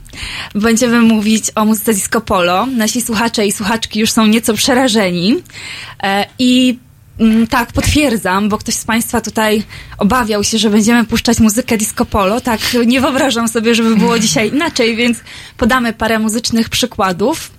Mm, Ale najpierw, bo już e, zdążyłam dzisiaj mieć e, dyskusję i lekki spór z redaktorem Krzyżaniakiem o to, gdzie zaczęło się i kiedy polskie disco polo. Właściwie disco polo to oczywiste, że polskie. Gdzie zaczęło się disco polo? E, Trwają spory o to, gdzie się zaczęło i kiedy się zaczęło. To A przepraszam, ja Państwa nie przedstawiłam jeszcze. E, Dzisiejszymi moimi gośćmi są autorka książki Polski Bayer, kultura znawczyni Monika Borys. E, współautor wystawy, e, któ- a drugą współautorką jest pani Monika Borys, współautor wystawy Disco Relax w Muzeum Etnograficznym Bartosz Wójcik Dobry wieczór. i wydawca książki, czy redaktor? Redaktor. E, wydawca. Wydawca książki, nikt nie słucha, Adrian Stachowski z wydawnictwa poznańskiego. Dobry wieczór. E, to tak, wróćmy do tematu. E, Gdzie i kiedy zaczęło się disco polo? To kiedy się zaczęło, to jest e, mm, to jest długi temat. To znaczy, oczywiście można e, upatrywać początków disco polo gdzieś tam właśnie w latach 90. czy w 89 roku. E, pierwsza polska wytwórnia disco polowa powstała w 90 roku, Blue Star, w regułach pod Warszawą. Więc tu już mamy takie geograficzne też, geograficzną wskazówkę, że to są okolice, okolice Warszawy, województwo mazowieckie, ale ja em, widzę początki disco polowej poetyki czy estetyki jeszcze w latach 70. i 60., kiedy gwiazdą muzyki popularnej był Janusz Laskowski. O, super się składa, bo za chwilę posłuchamy, jak będziemy mogli, piosenki Janusza Laskowskiego, kultowej, którą mu e, ja, Świat nie wierzył ząm, ale to jest chyba późniejsza jego piosenka, już z lat 90. Tak, to już jest z tego okresu, kiedy on był nazywany ojcem chrzestnym disco polo. W latach 70. on był e, znany przede wszystkim dzięki pocztówkom dźwiękowym z takich piosenek jak Beata z Albatrosa czy Kolorowe Jarmarki. E, I też Ja- Janusz Laskowski do, odsyła również do innej, e, in, innego adresu geograficznego, czyli do Białego Stoku, e, bo Podlasie to jest, powiedziałabym, drugi taki archipelag e, disco polowy. Tam powstała w latach 90. inna wytwórnia fonograficzna Green Star, która właśnie wydawała tych podlaskich disco polowców. I też to jest pewnie ciekawy wątek, że to mm, disco polo podlaskie troszeczkę się stylistycznie różni od tego warszawskiego i poznańskiego. Jest takie bardziej rzewne i inspirowane muzyką rosyjską. I to też słychać w głosach, prawda? Białostockie belcanto, taki charakterystyczny e, zaśpiew, ale chciałem ci wejść słowo, kiedy mówiłaś o e, Laskowskim i on chyba nie lubi, prawda? Być kojarzony z tym nurtem disco polo. Jemu to źle...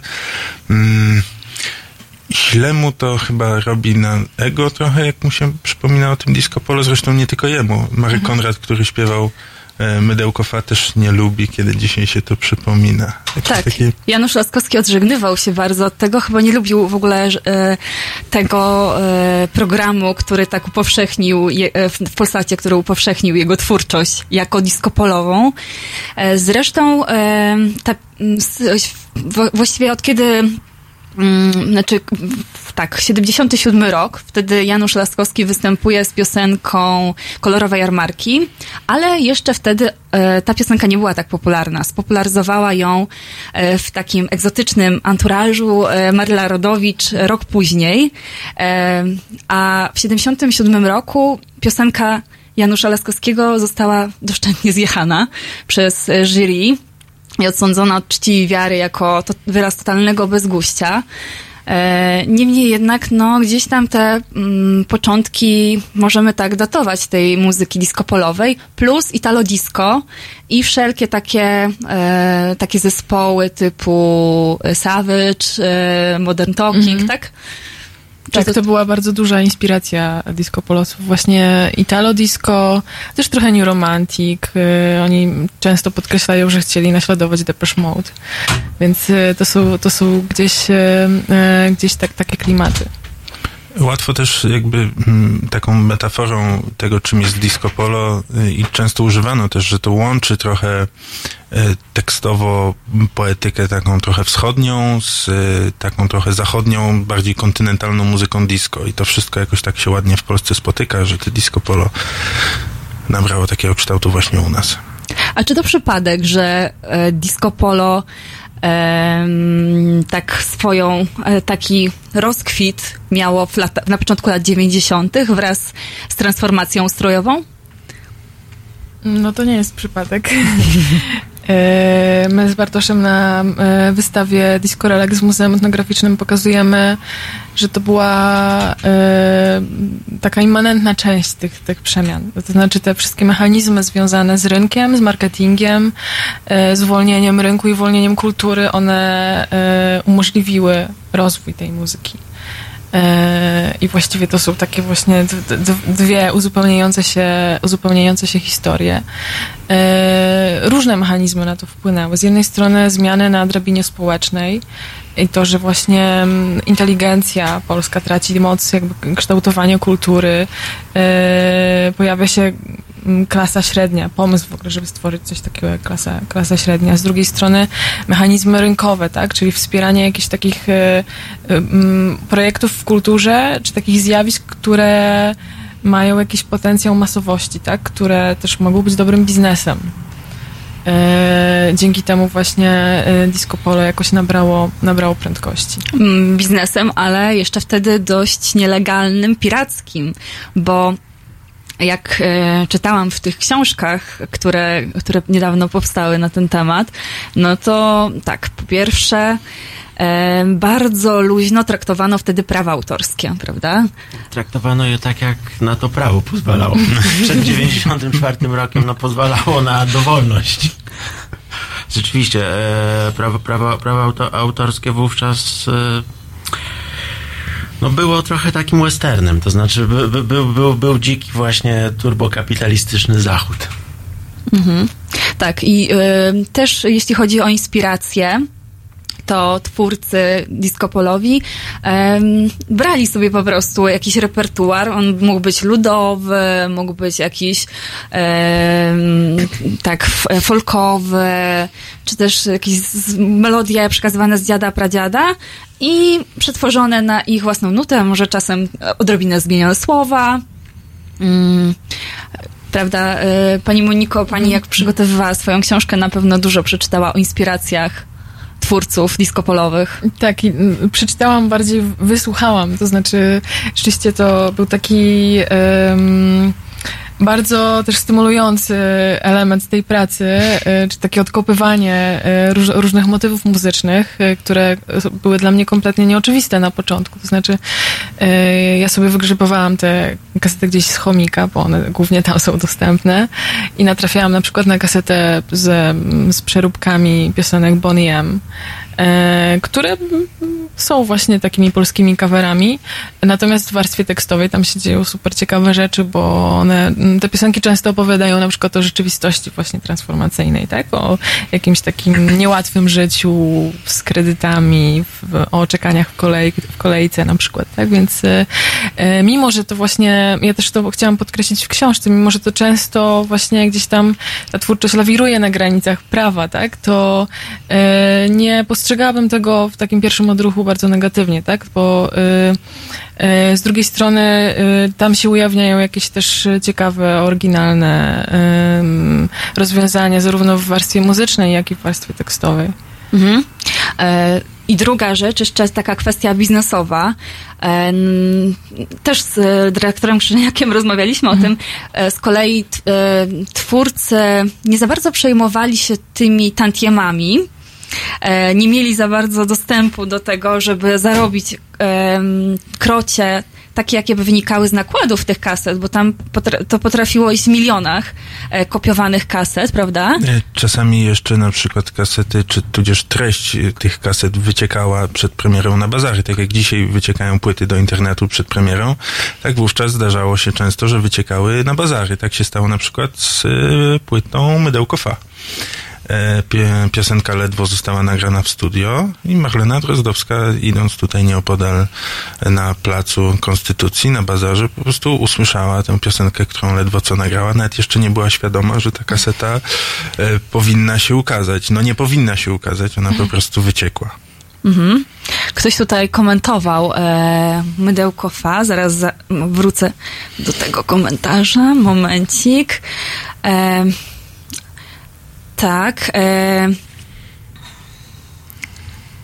no, gdzieś już daleko, bo, bo nasi słuchacze i słuchaczki żywo tutaj komentują na YouTubie. E, ktoś e, napisał e, tamta muzyka, co się dziwić, tamta muzyka disco polo była czymś w rodzaju historii. Te niedzielne audycje o 10 rano po kościele, czyż nie? Mm, Kto z was, przyznać się, słuchał e, disco polo, disco relax, tak się chyba nazywał ten program. Disco Relax. E, ja z młodszym bratem. E, ja mieszkałem w Lublinie. E, ale pochodziłem z rodziny, która mm, była rodziną e, mm, z ambicjami inteligenckimi, więc ona disco polo odrzucała.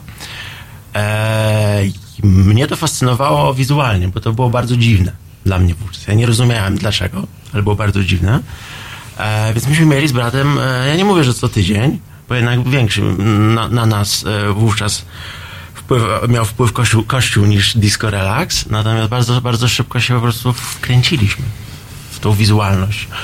A jednocześnie Ja to z, z, duży, z, du- z, dużym, z dużym jakby przestrachem teraz mówię. Ja też, ja, ja też e, wówczas nie rozumiejąc, bo ja e, podchodziłem do tego w sposób bardzo niemądry, bo ja to tak też odrzucałem. Miałem taki inteligencki problem, miałem taki gitaro jakiś centryczny obraz świata, to była dziwna muzyka klawiszowa, tam się nie zawsze zgadzały akordy i tak dalej, i tak dalej. Mm, e, wie, wie, ale, ale tak, ja byłem pod, pod wpływem tej, tej dziwności, czasami tego absurdu czy surrealizmu, e, bo tak do tego podchodziłem. E, ja pamiętam, że też u mnie to się spotkało z, z na przykład artykułami w Machinie. Ja się załapałem na pierwszą Machinę. I tam mm, między innymi chyba Anna Bimer, prawda? Pisała tak, no tak złośliwie. I, i, i, I to była moja poetyka tej złośliwości na samym początku. Tak, przez wiele lat y, ten e, elita odrzucała disco polo. Chyba zresztą tak do tej pory jest, tak, że jest to wstydliwy temat, ale chciałabym, żebyśmy przenieśli się teraz e, w świat dawnego e, disco polo lat 90. i posłuchali Janusza Laskowskiego wspomnianego piosenki Świat nie wierzy łzom przez chwilę, a zaraz potem będzie piosenka Top One Ciao, ciao, ciao Italia. E, jeden z największych e, hitów e, disco polowych jego początków.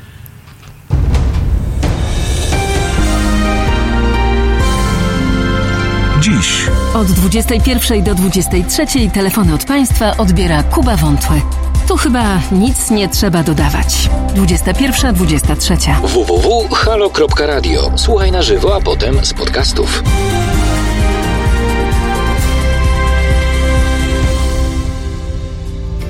Powiedz, powiedz jak to jest, że na świecie tym jest tak dużo łez. Co dzień wielki deszcz pada wokół nas. Jak to jest, że świat płacze cały czas, że świat płacze cały czas. Świat nie wierzy łzom, szkoda naszych łez. Świat nie wierzy łzom, bo za dużo jest na tym świecie łez. Świat nie wierzy łzom.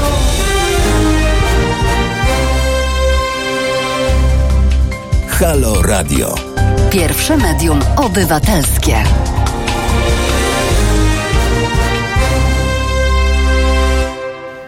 Halo, jednak nie będzie piosenki Top Nie. One. E. Ciao Italia. E, nie, pod, e, podkreślam tylko, że źle wymówiłam, wcześniej się przejęzyczyłam. To nie jest ciało i Italia, a ciao Italia. E, po, powiedzmy, czym była ta piosenka w tamtych czasach? E, To jest bardzo ciekawy przykład, bo e, ta piosenka była przez polskie radio. e, Z tego co pamiętam, na, ona została nazwana przebojem roku 89. E, To dosyć dobrze pokazuje nastrój wtedy, jakby, który panuje w muzyce popularnej. Ciao Italia to jest piosenka zespołu Top One, która jest takim polskim italo disco. E, opowiada właśnie o, wykorzystuje ten e, taki archetyp e, Italii właśnie jako jakiejś takiej egzotycznej, ale też rajskiej krainy, co zresztą jest w disco polo, szczególnie właśnie w latach 90. bardzo popularnym motywem.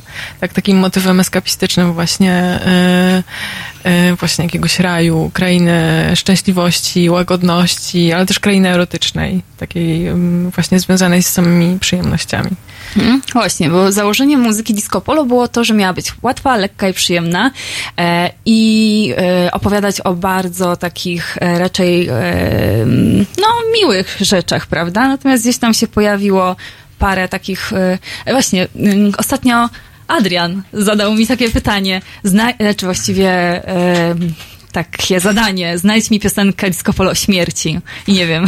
Ja nie znalazłem, Nie z- więc y, nie wiem, A ale... wy znacie? Nie ma takiej piosenki. Ale tak jest, że to są y, tematy łatwe i przyjemne. Y, Judyta w swojej książce zanotowała taką wypowiedź jednego z muzyków disco polo, że em, że no co, mam zacząć dzień od piosenki Zabij mnie, zabij mnie, nie pamiętam kto to śpiewał, zabij... Various Monks. Chylińska. Nie, chyba Various Monks.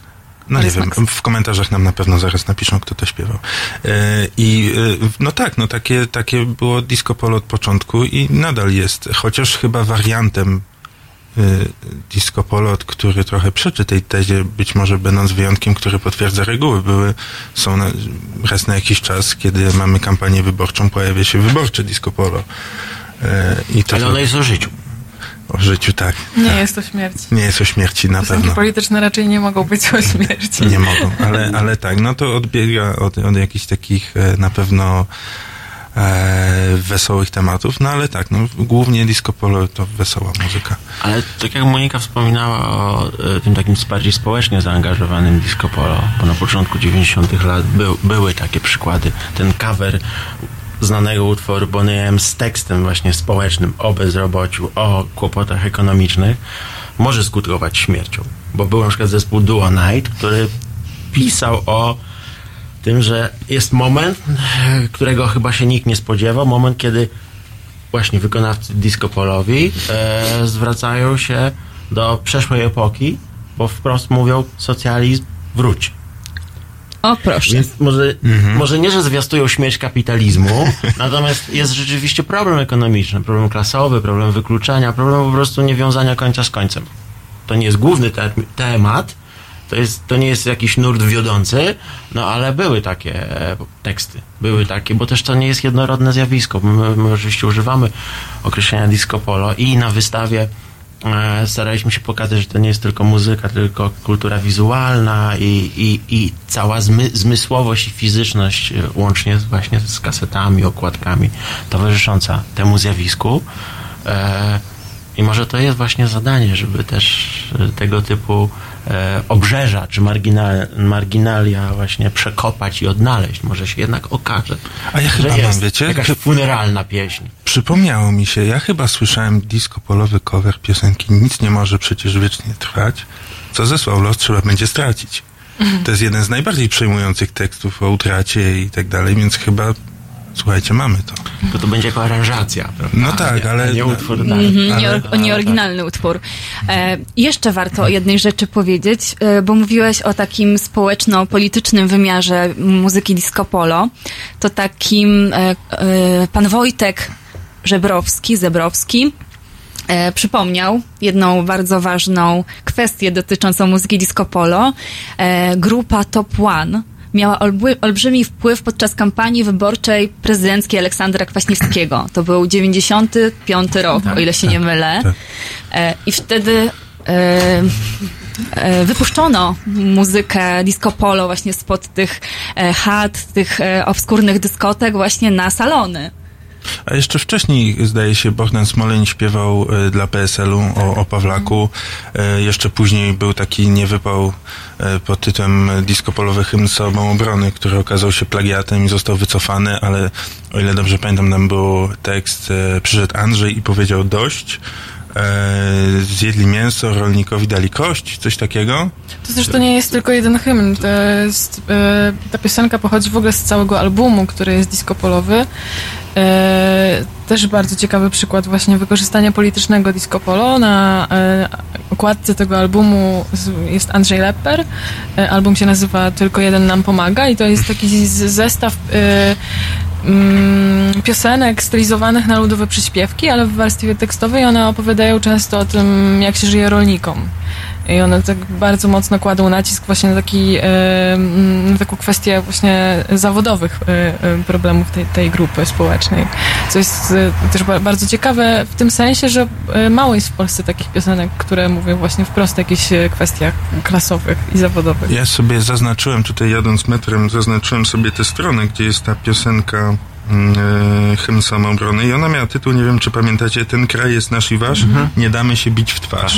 A który to był rok? E, to jest 99? 99, dobrze mówisz. E, I tutaj e, idzie tekst. Już mówili, że to będzie w końcu raj, mlekiem, miodem płynący będzie kraj, bo czerwone wybielało, europejskie nadciągało, ale skutków nie przewidział chyba nikt. Nagle w kraju tu za dużo ludzkich rąk, a w rolnictwie na alarm dzwon. Tylko jeden nam pomaga. Kiedy kłody rzuca władza i nie milknie, nie milknie jego głos. No i to jest oczywiście o Andrzeju Mhm. Leperze. Mhm. To dość skomplikowany tekst jak na twórczość disco-polową. A czy ja wiem? A nie? Nie wiem. Y, są bardzo różne teksty. Często te teksty są rzeczywiście bardzo, bardzo proste, ale y, przywoływany już tutaj top one, y, moim zdaniem to jest y, całkiem fajna taka poezja chodnikowa. To zresztą y, była, y, były teksty tworzone przez Janusza Kondratowicza, który był poetą i tworzył teksty dla Haliny Frąckowiak na przykład, tylko na potrzeby właśnie współpracy z disco-polowcami występował pod pseudonimem Jan Krenicz. Tak, Czyli się ukrywał. wstydził może. Ym, Pewnie tak, to znaczy z jakichś powodów właśnie akurat na potrzeby tej współpracy ukrywał swoją tożsamość. Tak? A politycy nie wstydzą się tego, żeby angażować i, i idą w... i Właśnie z czego to wynika, że tak często angażują muzyków disco polo Może do pamiętają nieprzewidziany sukces Aleksandra Kwaśniewskiego i liczą na to, żeby go powtórzyć, ale to jest chyba taki, no nie wiem, sektor elektoratu, no i trzeba się do niego jakoś odwołać. Mm, Myślę, że to, y, mm, to jest dosyć naturalne, to znaczy ta muzyka ma e, bardzo dużą popularność, to jest zjawisko masowe. Trudno, żeby politycy y, nie, mm, nie chcieli korzystać z tego potencjału. Że się wyda, wy, może się wydawać, tak, tak myślę, że w przypadku jeszcze Kwaśniewskiego chodziło o nowoczesność. Mhm. Teraz to już nie jest nowoczesne. Teraz to się już robi po prostu marketing polityczny sprofesjonalizowany i taki cy, cyniczne zagranie pod pewien elektorat, co zresztą dobrze było widać ostatnio w maju przy eurowyborach, bo tym dwóm kandydatom, którzy korzystali z piosenek współczesnych disco-polowych, nie poszło. Czyli one... A którzy to byli? One tak Bo nie... przyznam, nie znam aż tak dobrze z, wio- tej twórczości. Z, z wiosny to był Walasek, a z, a z, a z kolei z, pi- z PiSu był e, Duszek. Mhm, tak. E, Czy to są politycy też z takiego mniej, niższego Oni byli z? Lublina. Z, tak, jakby z, z, małych, z mniejszych Tak. miejscowości. Natomiast, e, natomiast w przypadku Kwaśni- Kwaśniewskiego to była nowoczes, nowo, nowo, nowoczesność taką e, naprawdę w pełnej krasie. Bo i rytmy, i tego jeszcze nikt nie robił e, w ten sposób, że tańczył na scenie. Tam też był e, tam, te, tam, też, tam, też, tam też był cały taki układ e, taneczny. Tam też był oczywiście przed, przedstawiciel, e, chodzi o już nieżyjącego muzyka z Gany, który też e, wystąpił w formie właśnie no, takiej Rapu. światowości i rapu Mhm. też, bo też ten element e, takiego hype'u właściwie, bo tam jest, był taki hype man, Mhm. no, taka, taka, taka funkcja, nie, to się pojawiło, tego nie było za bardzo wówczas Mhm. i to było takie eurodansowe, a jednocześnie nasze, bo... A no, ciągle mówimy o tej prezydent- piosence, którą przytoczył jeden z naszych e, komentujących Olek Olek, wygraj Olek Olek na prezydenta tylko ty. Tak. Tak. Ktoś Tak. mówi, że to do dziś ma w pamięci. E, do To tego zostało. się przecież odnieśli. I wybierzmy przyszłość oraz styl. Oraz Tak. styl, tak, masz rację, ten, ten rap, czy ten styl taneczny, muzyczny. E, my, myśmy też siedzieli bardzo z, z, z z Moniką, bo to było e, tuż przed otwarciem wystawy przecież. E, zresztą ta piosenka powróciła w tym roku, gdy na moment Aleksander Kwaśniewski pojawił się w sztabie e, Le- Lewicy, to e, ta piosenka no, wybrzmiała. Po prostu śledziliśmy to w mediach, jak, jak to było też komentowane. A jaka to była Polska, kiedy grało jej disco polo w latach 90.? Mm, To była Polska dosyć szalona. e, to znaczy, to jest też taki moment, kiedy... I czy różni się czymś od dzisiejszej Oj, Polski, oj, grają, myślę, że bardzo. To któ- znaczy, której gra też mm, znów disco polo, które wróciło do łask? Na pewno to disco polo, które y, było w latach 90., ono się bardzo różni od tego disco polo współczesnego. E, no to był taki czas, kiedy różne, y, mm, konkretyzowały się różne normy, tak? Znaczy z jednej strony mieliśmy taką, y, taką narrację właśnie normatywną o tym, jak powinniśmy wyglądać, co powinniśmy myśleć, mówić i tak dalej. To znaczy formułowała się właśnie ta klasa średnia. A, a z drugiej strony gdzieś to uwolnienie rynku pozwalało na pojawienie się różnych y, zjawisk właśnie nienormatywnych, tak? To znaczy również w, ty, w tym sensie muzycznym y, i, takim, i takim stylistycznym. I, i Kwaśniewski też to, to było tego typu zagranie, tak, że on trochę nie wiedział, co, czym to będzie, czym to się może stać, ale no to zagranie było świetne, tak? Zresztą cała jego kampania wyborcza i to, jakim on chciał być prezydentem, to znaczy właśnie w jakim stylu, e, to się jakoś tam łączy, tak? Bo Kwaśniewski e, trochę chciał być jednak celebrytą, tak? On chodził, e, opowiadał w wywiadach, że właśnie, że się wybiera na koncert Michaela Jacksona czy Stinga, tak? Więc no, chciał być gwiazdorem, tak? I, to się jakoś naturalnie łączyło z tym, że wszedł we współpracę z takim zespołem disco-polowym, które też jest bardziej disco. To nie jest taka, to nie jest takie disco polo biesiadne, jak na przykład Bayerful czy zespół Boys, ale to jest jednak muzyka, która gdzieś tam brzmi e, tak zachodnio, powiedziałabym. Mhm. A co w takim razie wyznacza te granice disco polo? Ja na potrzeby książki, bo to jest z muzycznego punktu widzenia bardzo trudno jest y, określić jakieś granice. Y, Ja bym powiedziała, że w latach 90. ym, to, czym było Disco Polo, bardziej określała instytucja programu Disco Relax. To znaczy, też natrafiałam na takie komentarze w, w prasie, że mówiło się na przykład, że y, w tym miejscu nie puszczamy piosenek z Pulsatu. A, pios- a piosenki z Polsatu, piosenki w Disco Relaxie to były bardzo różne piosenki. Z, jed- z jednej strony to były właśnie piosenki takie eurodensowe, z takiego okręgu właśnie poznańskiego, zespół Amadeo na przykład. Z drugiej strony to były piosenki właśnie biesiadne, rzewne, przyśpiewki.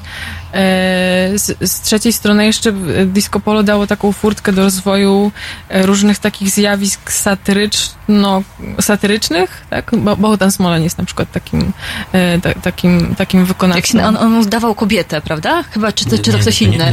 To nie on. Była Genofefa Pigwa? Genofefa Pigwa, Genofefa. Pigwa, tak. To, to też była postać związana z, z branżą disco-polową. Czyli Smoleń nie był pigwą? To jest pomyliłam. Mm, Nie, nie, nie. Chociaż miał chyba jeden taki sketch, w którym się przybierał za... To w kabarecie tej Tak, się kabarecie tej. e, Mhm. i bombki choinkowe robią. Tam było dużo takich też postaci właśnie mm, kabaretowych, stan tutaj na przykład. Mhm. Taki był e, wy, wykonawca, który tam jakoś jeszcze funkcjonuje do tej pory. Ale byli też ci weterani, którzy, tak jak Krzysztof Krawczyk, którzy skorzystali z kolejnej szansy, czy z kolejnej karty, którą im biznes muzyczny za, zaproponował, bo zanim e, na nowo Krzysztofa Krawczyka Andrzej Smolik, prawda, innej publiczności przedstawił i myślę, że kolejne, ko- kolejne pokolenie go poznało, no to Krzysztof Krawczyk też miał taki epizod, e, gdzie w środowisku disco-polowym, no swoje, ale nie tylko swoje e, piosenki wykonywał. No też nie trzeba daleko szukać, bo przecież Mydełkowa też jest, było bardziej, znaczy dzisiaj, no, no to, to się, tego się słucha jak pastisz i pewnie Marek Konrad myślał, że to pastisz, ale na pastisz chyba było trochę za wcześnie, no i z pastiszu niechcący się zrobił hit, taki nie na żarty. Słuchajcie, mamy, y, mamy telefon. Halo, halo. Kto do nas Dobry dzwoni? wieczór. Dobry wieczór. Dobry wieczór. Tu Maciej z Monachium. Witam Państwa. O, miło, E, Monachium. Witam pana, witam, witam pana e, nie prowadzącego, tylko pana... E, Mogę być panem prowadzącym. On mi zawsze z nieznanych powodów trochę bardziej pomijany niż prowadzący. W każdym razie dzwonię z Monachium i chciałem się odnieść może nie tyle do tematu disco polo, chociaż nie wiadomo z jakich przyczyn jest tam ten nurt muzyczny jest utożsamiany z jakimś obciachem dalej w Polsce. A chcąc czy nie chcąc, jest to jakby nie patrzeć, no element naszej kultury, tak? Element naszego folkloru. A mówię o folklorze w kontekście e, bardzo zbliżonego nurtu muzycznego, który obowiązuje w Niemczech. Mieszkam w Bawarii, wiadomo, że tutaj ta kultura jest bardzo silnie e, podkreślana, tak? Tu się ubiera odpowiednio przy okazji jakichś uroczystości, czy przy okazji choćby e, minionego Oktoberfest. Ta kultura jest tu bardzo silnie podkreślana, ludzie się bardzo utożsamiają. Nawet jeżeli przyjeżdżają Japończycy i się przebierają w te stroje, wiadomo, ważne, żeby był fan. Chodzi mi jednak o muzykę, ponieważ e, w przypadku muzyki jest tu naprawdę niewyobrażalna ilość różnych zespołów, wykonawców, którzy podobnie jak Polsce e, od lat już 70., 80., być może nawet wcześniej, ja tu mieszkam ostatnio do, dopiero od 6 lat, więc jakby nie przeżyłem tego aż tak długo. Natomiast y, ta muzyka jest tutaj naprawdę bardzo popularna. Odbywają się koncerty czasami w takich, no naprawdę dosyć e, ważnych miejscach, tak? Na przykład hala olimpijska, gdzie ta hala jest wypchana po brzegi. Bilety są tak horrendalnie drogie. Proszę sobie wyobrazić, że bilet na taki koncert kosztuje około 60-70 euro. I ta hala jest zapełniona po brzegi. A jak się Więc, nazywa e, niemieckie się- disco polo? to, to się nie nazywa disco Niemieckie polo, disco. oczywiście, e, tylko tu jest, nie, tu jest właśnie, nawiązałem do folkloru i ta muzyka, ten nurt nosi nazwę Volkstümliche Musik, czyli muzyka ludowa. Czasami określa się to jako Volkstümliche Schlager, czyli te słynne niemieckie szlagiery, tak? Powiem, że e, e, jakby to nie jest moja bajka zupełnie, bo ja słucham muzyki klasycznej, natomiast tak, tak postanowiłem, że chciałbym choć raz przed śmiercią, czyli w najbliższych 30-40 latach, pójść sobie na taki koncert, tak? Dla fanu, nie wiem, tylko y, problem polega na tym, że bardzo chciałbym pójść z kimś, tak? No bo tak solo to bez sensu, tym bardziej, że wszyscy siedzą przy tych stołach, się bujają z tymi kuflami, to jest fajne. E, Natomiast no, nikt nie chce ze mną pójść. Rozumiem, że tutaj możemy ogłosić, e, że pan poszukuje towarzystwa w Monachium do wspólnego koncertu. Myślę, że nie trzeba będzie poczekać. E, Jeśli ktoś z Myślę, że Państwa chciałby, chciałby pójść z Panem Maciejem na koncert w Monachium, to można napisać na adres terasmałpa.halo.radio albo na mój prywatny radiowy adres e, rządu zadlo małpa halo.radio, a niech Pan też do nas napisze, to pomożemy Panu takie towarzystwo zorganizować. Tak myślę, że ktoś na pewno się znajdzie. Jestem w stanie przenocować maksymalnie 15 osób, więc jakby radio może do Pa, Panie Macieju, już się zbliżamy. już się zbliżamy. Już tutaj e, wi- widzę po oczach, że w, choćby teraz jest paru, parę chętnych osób na taką wspólną zabawę. Jeżeli chodzi o repertuar, repertuar oczywiście nie jest tutaj y, być może jakby bardzo finezyjny, jeżeli chodzi o warstwę tekstową. E, natomiast y, jeżeli chodzi o warstwę muzyczną, to jest naprawdę bardzo taki, jakby to powiedzieć, taki urozmaicony, jest mnóstwo instrumentów, ktoś tam naprawdę się bardzo przykłada, żeby tę muzykę komponować i naprawdę ci artyści opływają w forsę. Są tak nieprawdopodobnie bogaci ludzie. Mam znajomego, który chodził e, z synem jednego ze znanych wykonawców do szkoły i mówi, że po prostu e, kasa, jaką opływają, jest tutaj horrendalna. To oczywiście jakby świadczy o tym, e, jakby nie, może nie świadczy o tym, ale wynika z tego, że, te, że ta muzyka jest naprawdę tutaj bardzo, bardzo popularna. Oczywiście, jeżeli kogoś się tam pytam, czy tam słucha tego, czy tego, no to, to się śmieje pod nosem obcia, tak? Ale no coś jednak w tym musi być. Em, To jest chyba fajne, no, czy to nam się podoba, czy nie, jest to część naszej kultury, część naszego folkloru, e, stąd właśnie ta etnografia, ten em, element etnograficzny wśród gości w studio. Uważam, że warto to pielęgnować, tak? A niech mi pan jeszcze powie taką rzecz, bo e, spotkałam się z taką opinią, że za granicą, kiedy mamy Polonię, czy to w Stanach Zjednoczonych, czy w innych krajach, których, których są Polacy, to e, takie koncerty zespołów polskich diskopolowych są popularne, bo one e, przywożą tam za granicę polskość. Są taką emanacją tej naszej kultury i chętnie Polacy za granicą biorą w nich udział. Czy też pan spotkał się z czymś takim w Monachium? Mm, jako, że nie jestem miłośnikiem tej muzyki, nie śledzę jakby tutaj eventów, jeżeli chodzi o muzykę disco polo, ale wydaje mi się, że nie jest to e, jakby bardzo popularny nurt wśród Polonii w Niemczech. N- nie jestem pewien. Wydaje mi się, gdzieś tam czuję podskórnie, że, e, że to nie jest e, muzyka, która tutaj byłaby specjalnie jakoś umiłowana. Panie Macieju, bardzo dziękuję za ten telefon z Monachium. To ja dziękuję za Pozdrawiamy serdecznie. I chciałam zapytać e, Państwa w studiu tutaj, jak to jest z tą Polonią słuchającą disco polo. Bo Pan Maciej mówi, że z tym się nie spotkał. A Państwo? Ja nie prowadziłem takich badań, to znaczy nie wiem, jak to, jak to na przykład socjologicznie się rozkłada. E, natomiast jeśli mogę, tak odro, odro, odrobi- odrobinę od tego odejdę, ale blisko do tego, co pan Maciej powiedział. E, to jest muzyka, która ma bardzo konkretną funkcję. To znaczy ona jest zabawową, ona jest imprezową. I jeżeli w danym miejscu jest, zbiera się Polonia w, w do, dostatecznej e, li- liczbie, która ma tego typu potrzeby, to myślę, że ci artyści, jeżeli popatrzymy na, na na przykład Stany Zjednoczone, bo był okres, kiedy hurtowo wyjeżdżali i koncertowali i, i, i dzięki temu też się rozwijały zespoły, miały nowy sprzęt, miały nowe instrumentarium i tak dalej.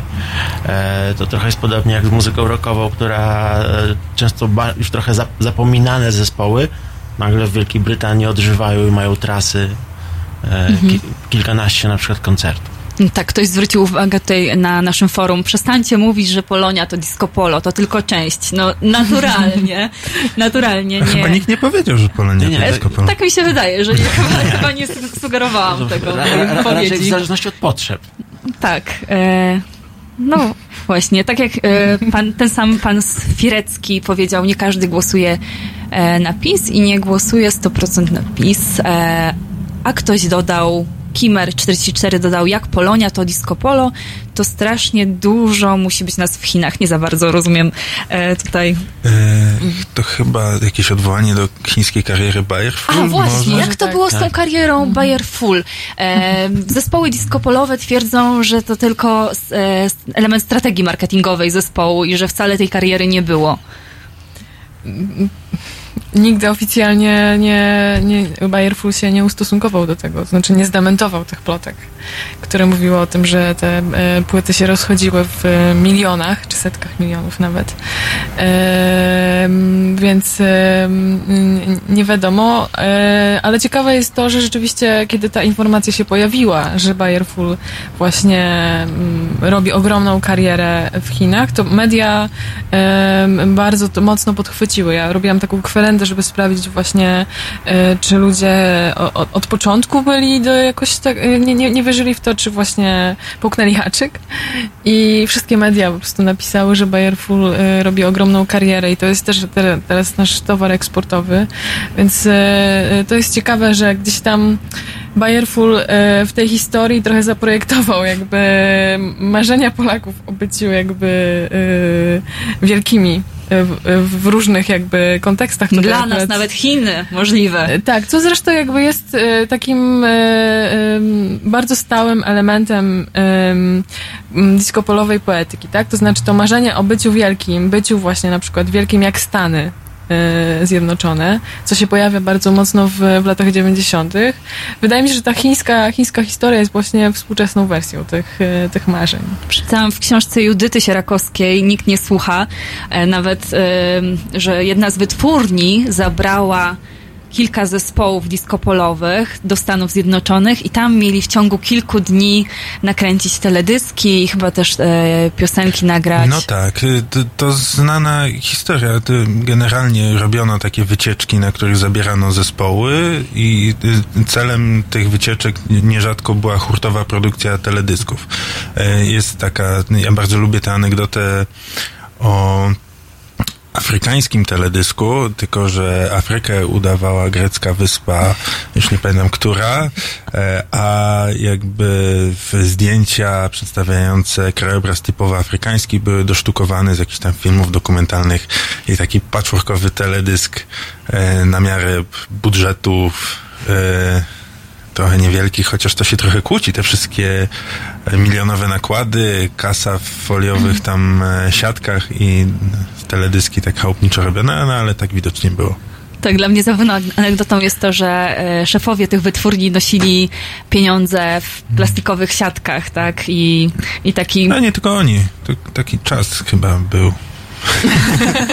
Wszyscy byli milionerami. No właśnie, a jak było z tą kasą płynącą z Disco Polo? To był wtedy wielki biznes?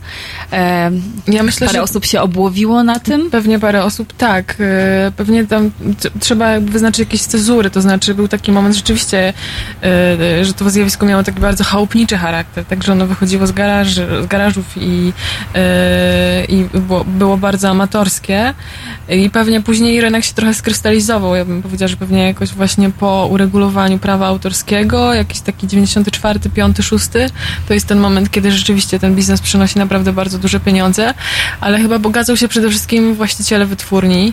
e, A nie sami twórcy. A nie sami twórcy. Znaczy twórcy raczej po prostu e, no bardzo się angażowali w, w tworzenie tej muzyki i dawali bardzo dużo koncertów, również w dyskotekach, którymi, których właścicielami byli również y, y, ci biznesmeni właśnie od wytwórni fonograficznych.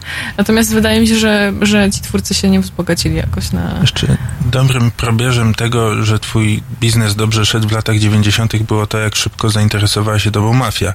Mm. E, No i mafia dosyć szybko się zainteresowała disco polo. E, e, niejaki Pershing e, e, inwestował w wytwórnię kaset e, i płyt i generalnie kręcił się wokół tego biznesu, miał swoich faworytów, swoje ulubione piosenki. Tak, zresztą kiedy zamordowano Pershinga, to policja wydała takie oświadczenie, w którym powiedziała, że 70% rynku diskopolowego należało do mafii. Więc y, rzeczywiście również z tego względu, że y, ten biznes właśnie kręcił się wokół Warszawy głównie, y, to, to, to pewnie było naturalne dla mafii, żeby jakoś się tym, tym zająć. Mhm. A teraz jak wygląda sytuacja diskopolowych twórców, skoro już prawa autorskie są regulowane i oni mogą liczyć na legalne dochody z, tych, z tej muzyki, diskopolo wróciło do łask.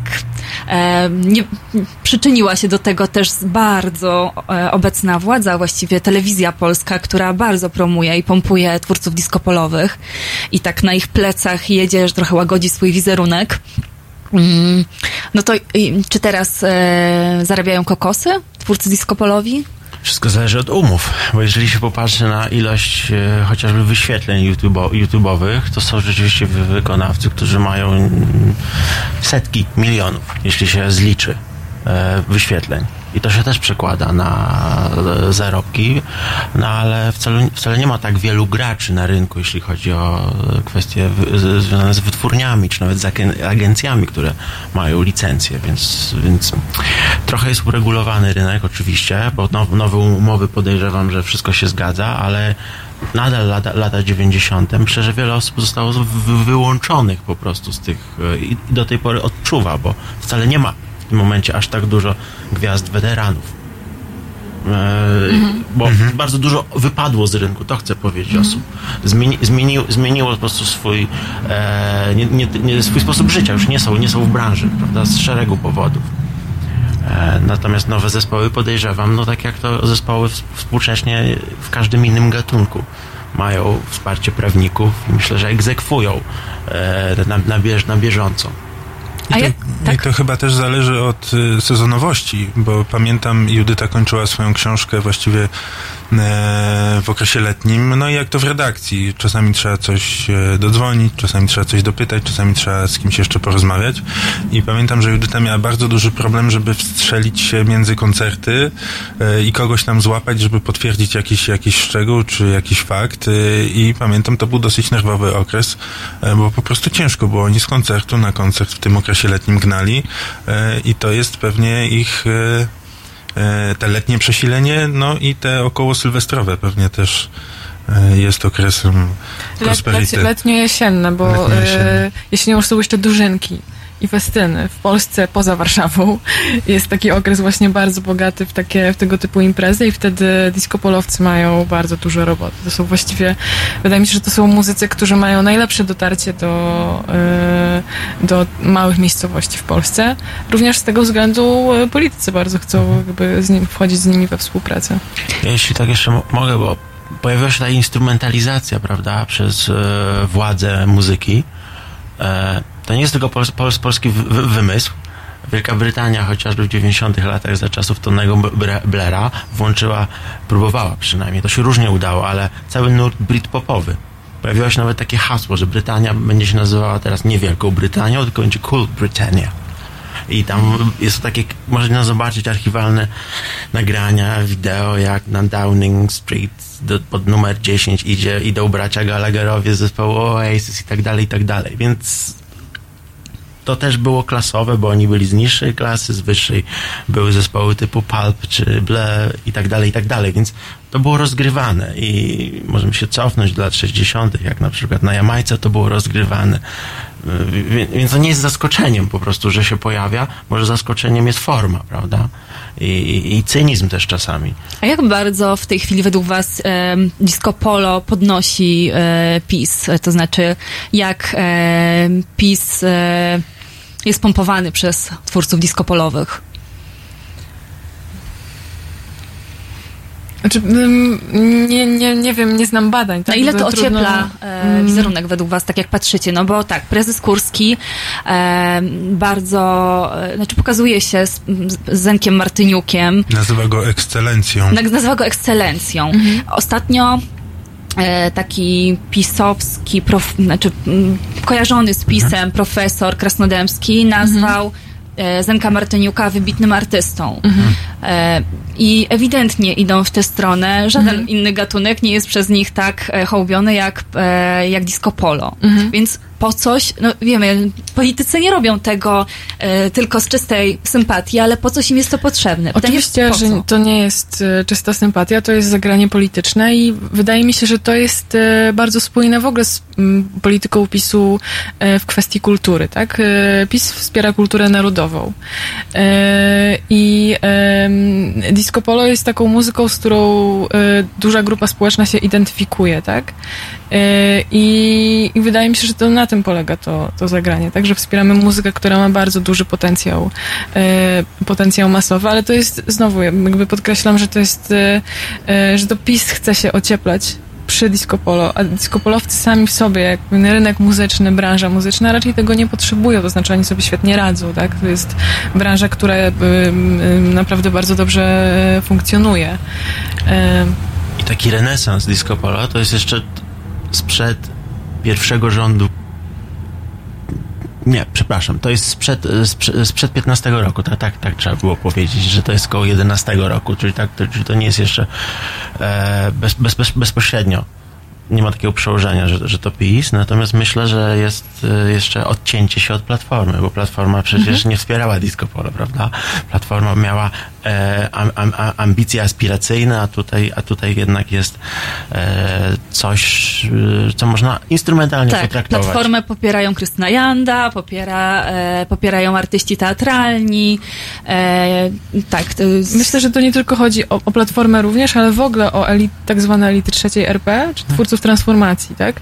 I tutaj PiS właśnie e, bardzo nawiązuje do tego stereotypu wytworzonego w latach 90. e, mm, wobec disco polo, tak? Że to jest muzyka właśnie obciachowa, szmirowata, że właśnie, że inteligencja się od tego odcina, że to nie jest nasza kultura, więc PiS bardzo jakby wykorzystuje ten stereotyp, tak? Skoro się odcinamy od twórców transformacji, to będziemy teraz wstając z kolan, będziemy wspierać te elementy kultury, które były wcześniej e, Marginalizowane, tak? marginalizowane. Mhm. Czyli to jest takie e, hasło tego, tej polityki takiej godnościowej, e, Mhm. która obejmuje godność wszystkich, i w tym twórców disco polo. E, ktoś tutaj, pan Żebrowski, Wojtek, powiedział, Przypomniał, że też TVP obecnie finansuje film o Zenku Martyniuku, który ma być takim wielkim hitem. E, I wiem, że właśnie trwają zdjęcia. E, a jednocześnie, e, kiedy wiem, że w, e, autorka książki Nikt nie słucha zwróciła się do Ministerstwa Kultury i Dziedzictwa Narodowego o grant na napisanie książki, ministerstwo jej odmówiło. Tak. I nawet y, Judyta we wstępie do swojej książki cytuje mm, odpowiedzi, jakie dostała, bo to y, pisze, że się spodziewała, że nie dostanie, ale mimo to poprosiła o, o jakby pisemne uzasadnienie e, decyzji. E, I w tych, e, w tych cytatach e, widać. Hmm, no jakieś takie wyższościowe spojrzenie, że to jest nieciekawe, co ciekawego można napisać o disco polo e, i wiem, że mm, Judyta spotykała się jakby e, z totalnie przeciwnymi reakcjami na informacje o tym, że zajmuje się tym tematem. Jedni reagowali dużym zaciekawieniem i wyczekiwali tej książki, a inni z kolei e, jakby mm, komentowali to właśnie w podobny sposób do ministerstwa. E, I to chyba dobre rozpięcie spektrum emocji, które wygeneruje disco polo w, wśród ludzi, którzy nie są z tą muzyką związani, nie są jej fanami i tak dalej. To się gdzieś rozpina między wyższością, a jakimś takim totalnym zaciekawieniem i zainteresowaniem. Hmm? No właśnie, czyli nikt nie słucha, e, jakby zjawiska nie ma, e, a jednak jest, tak? Znaczy, dla nas y, mm, mm, wybraliśmy ten tytuł, e, zresztą e, wpadła na niego sama autorka, wybraliśmy ten tytuł książki, e, bo on jakby ilustruje jakiś taki paradoks i, i przekorę. Jeszcze chcieliśmy, specjalnie obudowaliśmy ten tytuł e, okładkowym zdjęciem wielkiego muralu z Zenonem Martyniukiem. E, I jeszcze w, w środku książki jest e, takie zdjęcie naprawdę tłumnie e, Koncertowe. koncertowe, żeby to jeszcze bardziej podkreślić, że nikt nie słucha, no tak, ale tutaj jest tłum. I no jest tłum, no. Czyli jednak to disco polo teraz przy wsparciu władzy myślę, że wraca do łask, tak? Od jakiegoś czasu. Znaczy wróciło bardzo, y, no już jakiś czas temu. Ja bym też podkreśliła, że y, duże znaczenie on, odegrała zmiana technologiczna i dostęp do YouTube'a. Y, To trochę YouTube wskrzesił disco polo z lat 90., bo ludzie zaczęli wrzucać stare taśmy, ale też pozwoliło na wypłynięcie nikomu nieznanych zespołów nowych, jak zespół Weekend. I tu właśnie chciałabym zakończyć naszą audycję, bo posłuchamy teraz nowej piosenki, no, fragmentu piosenki.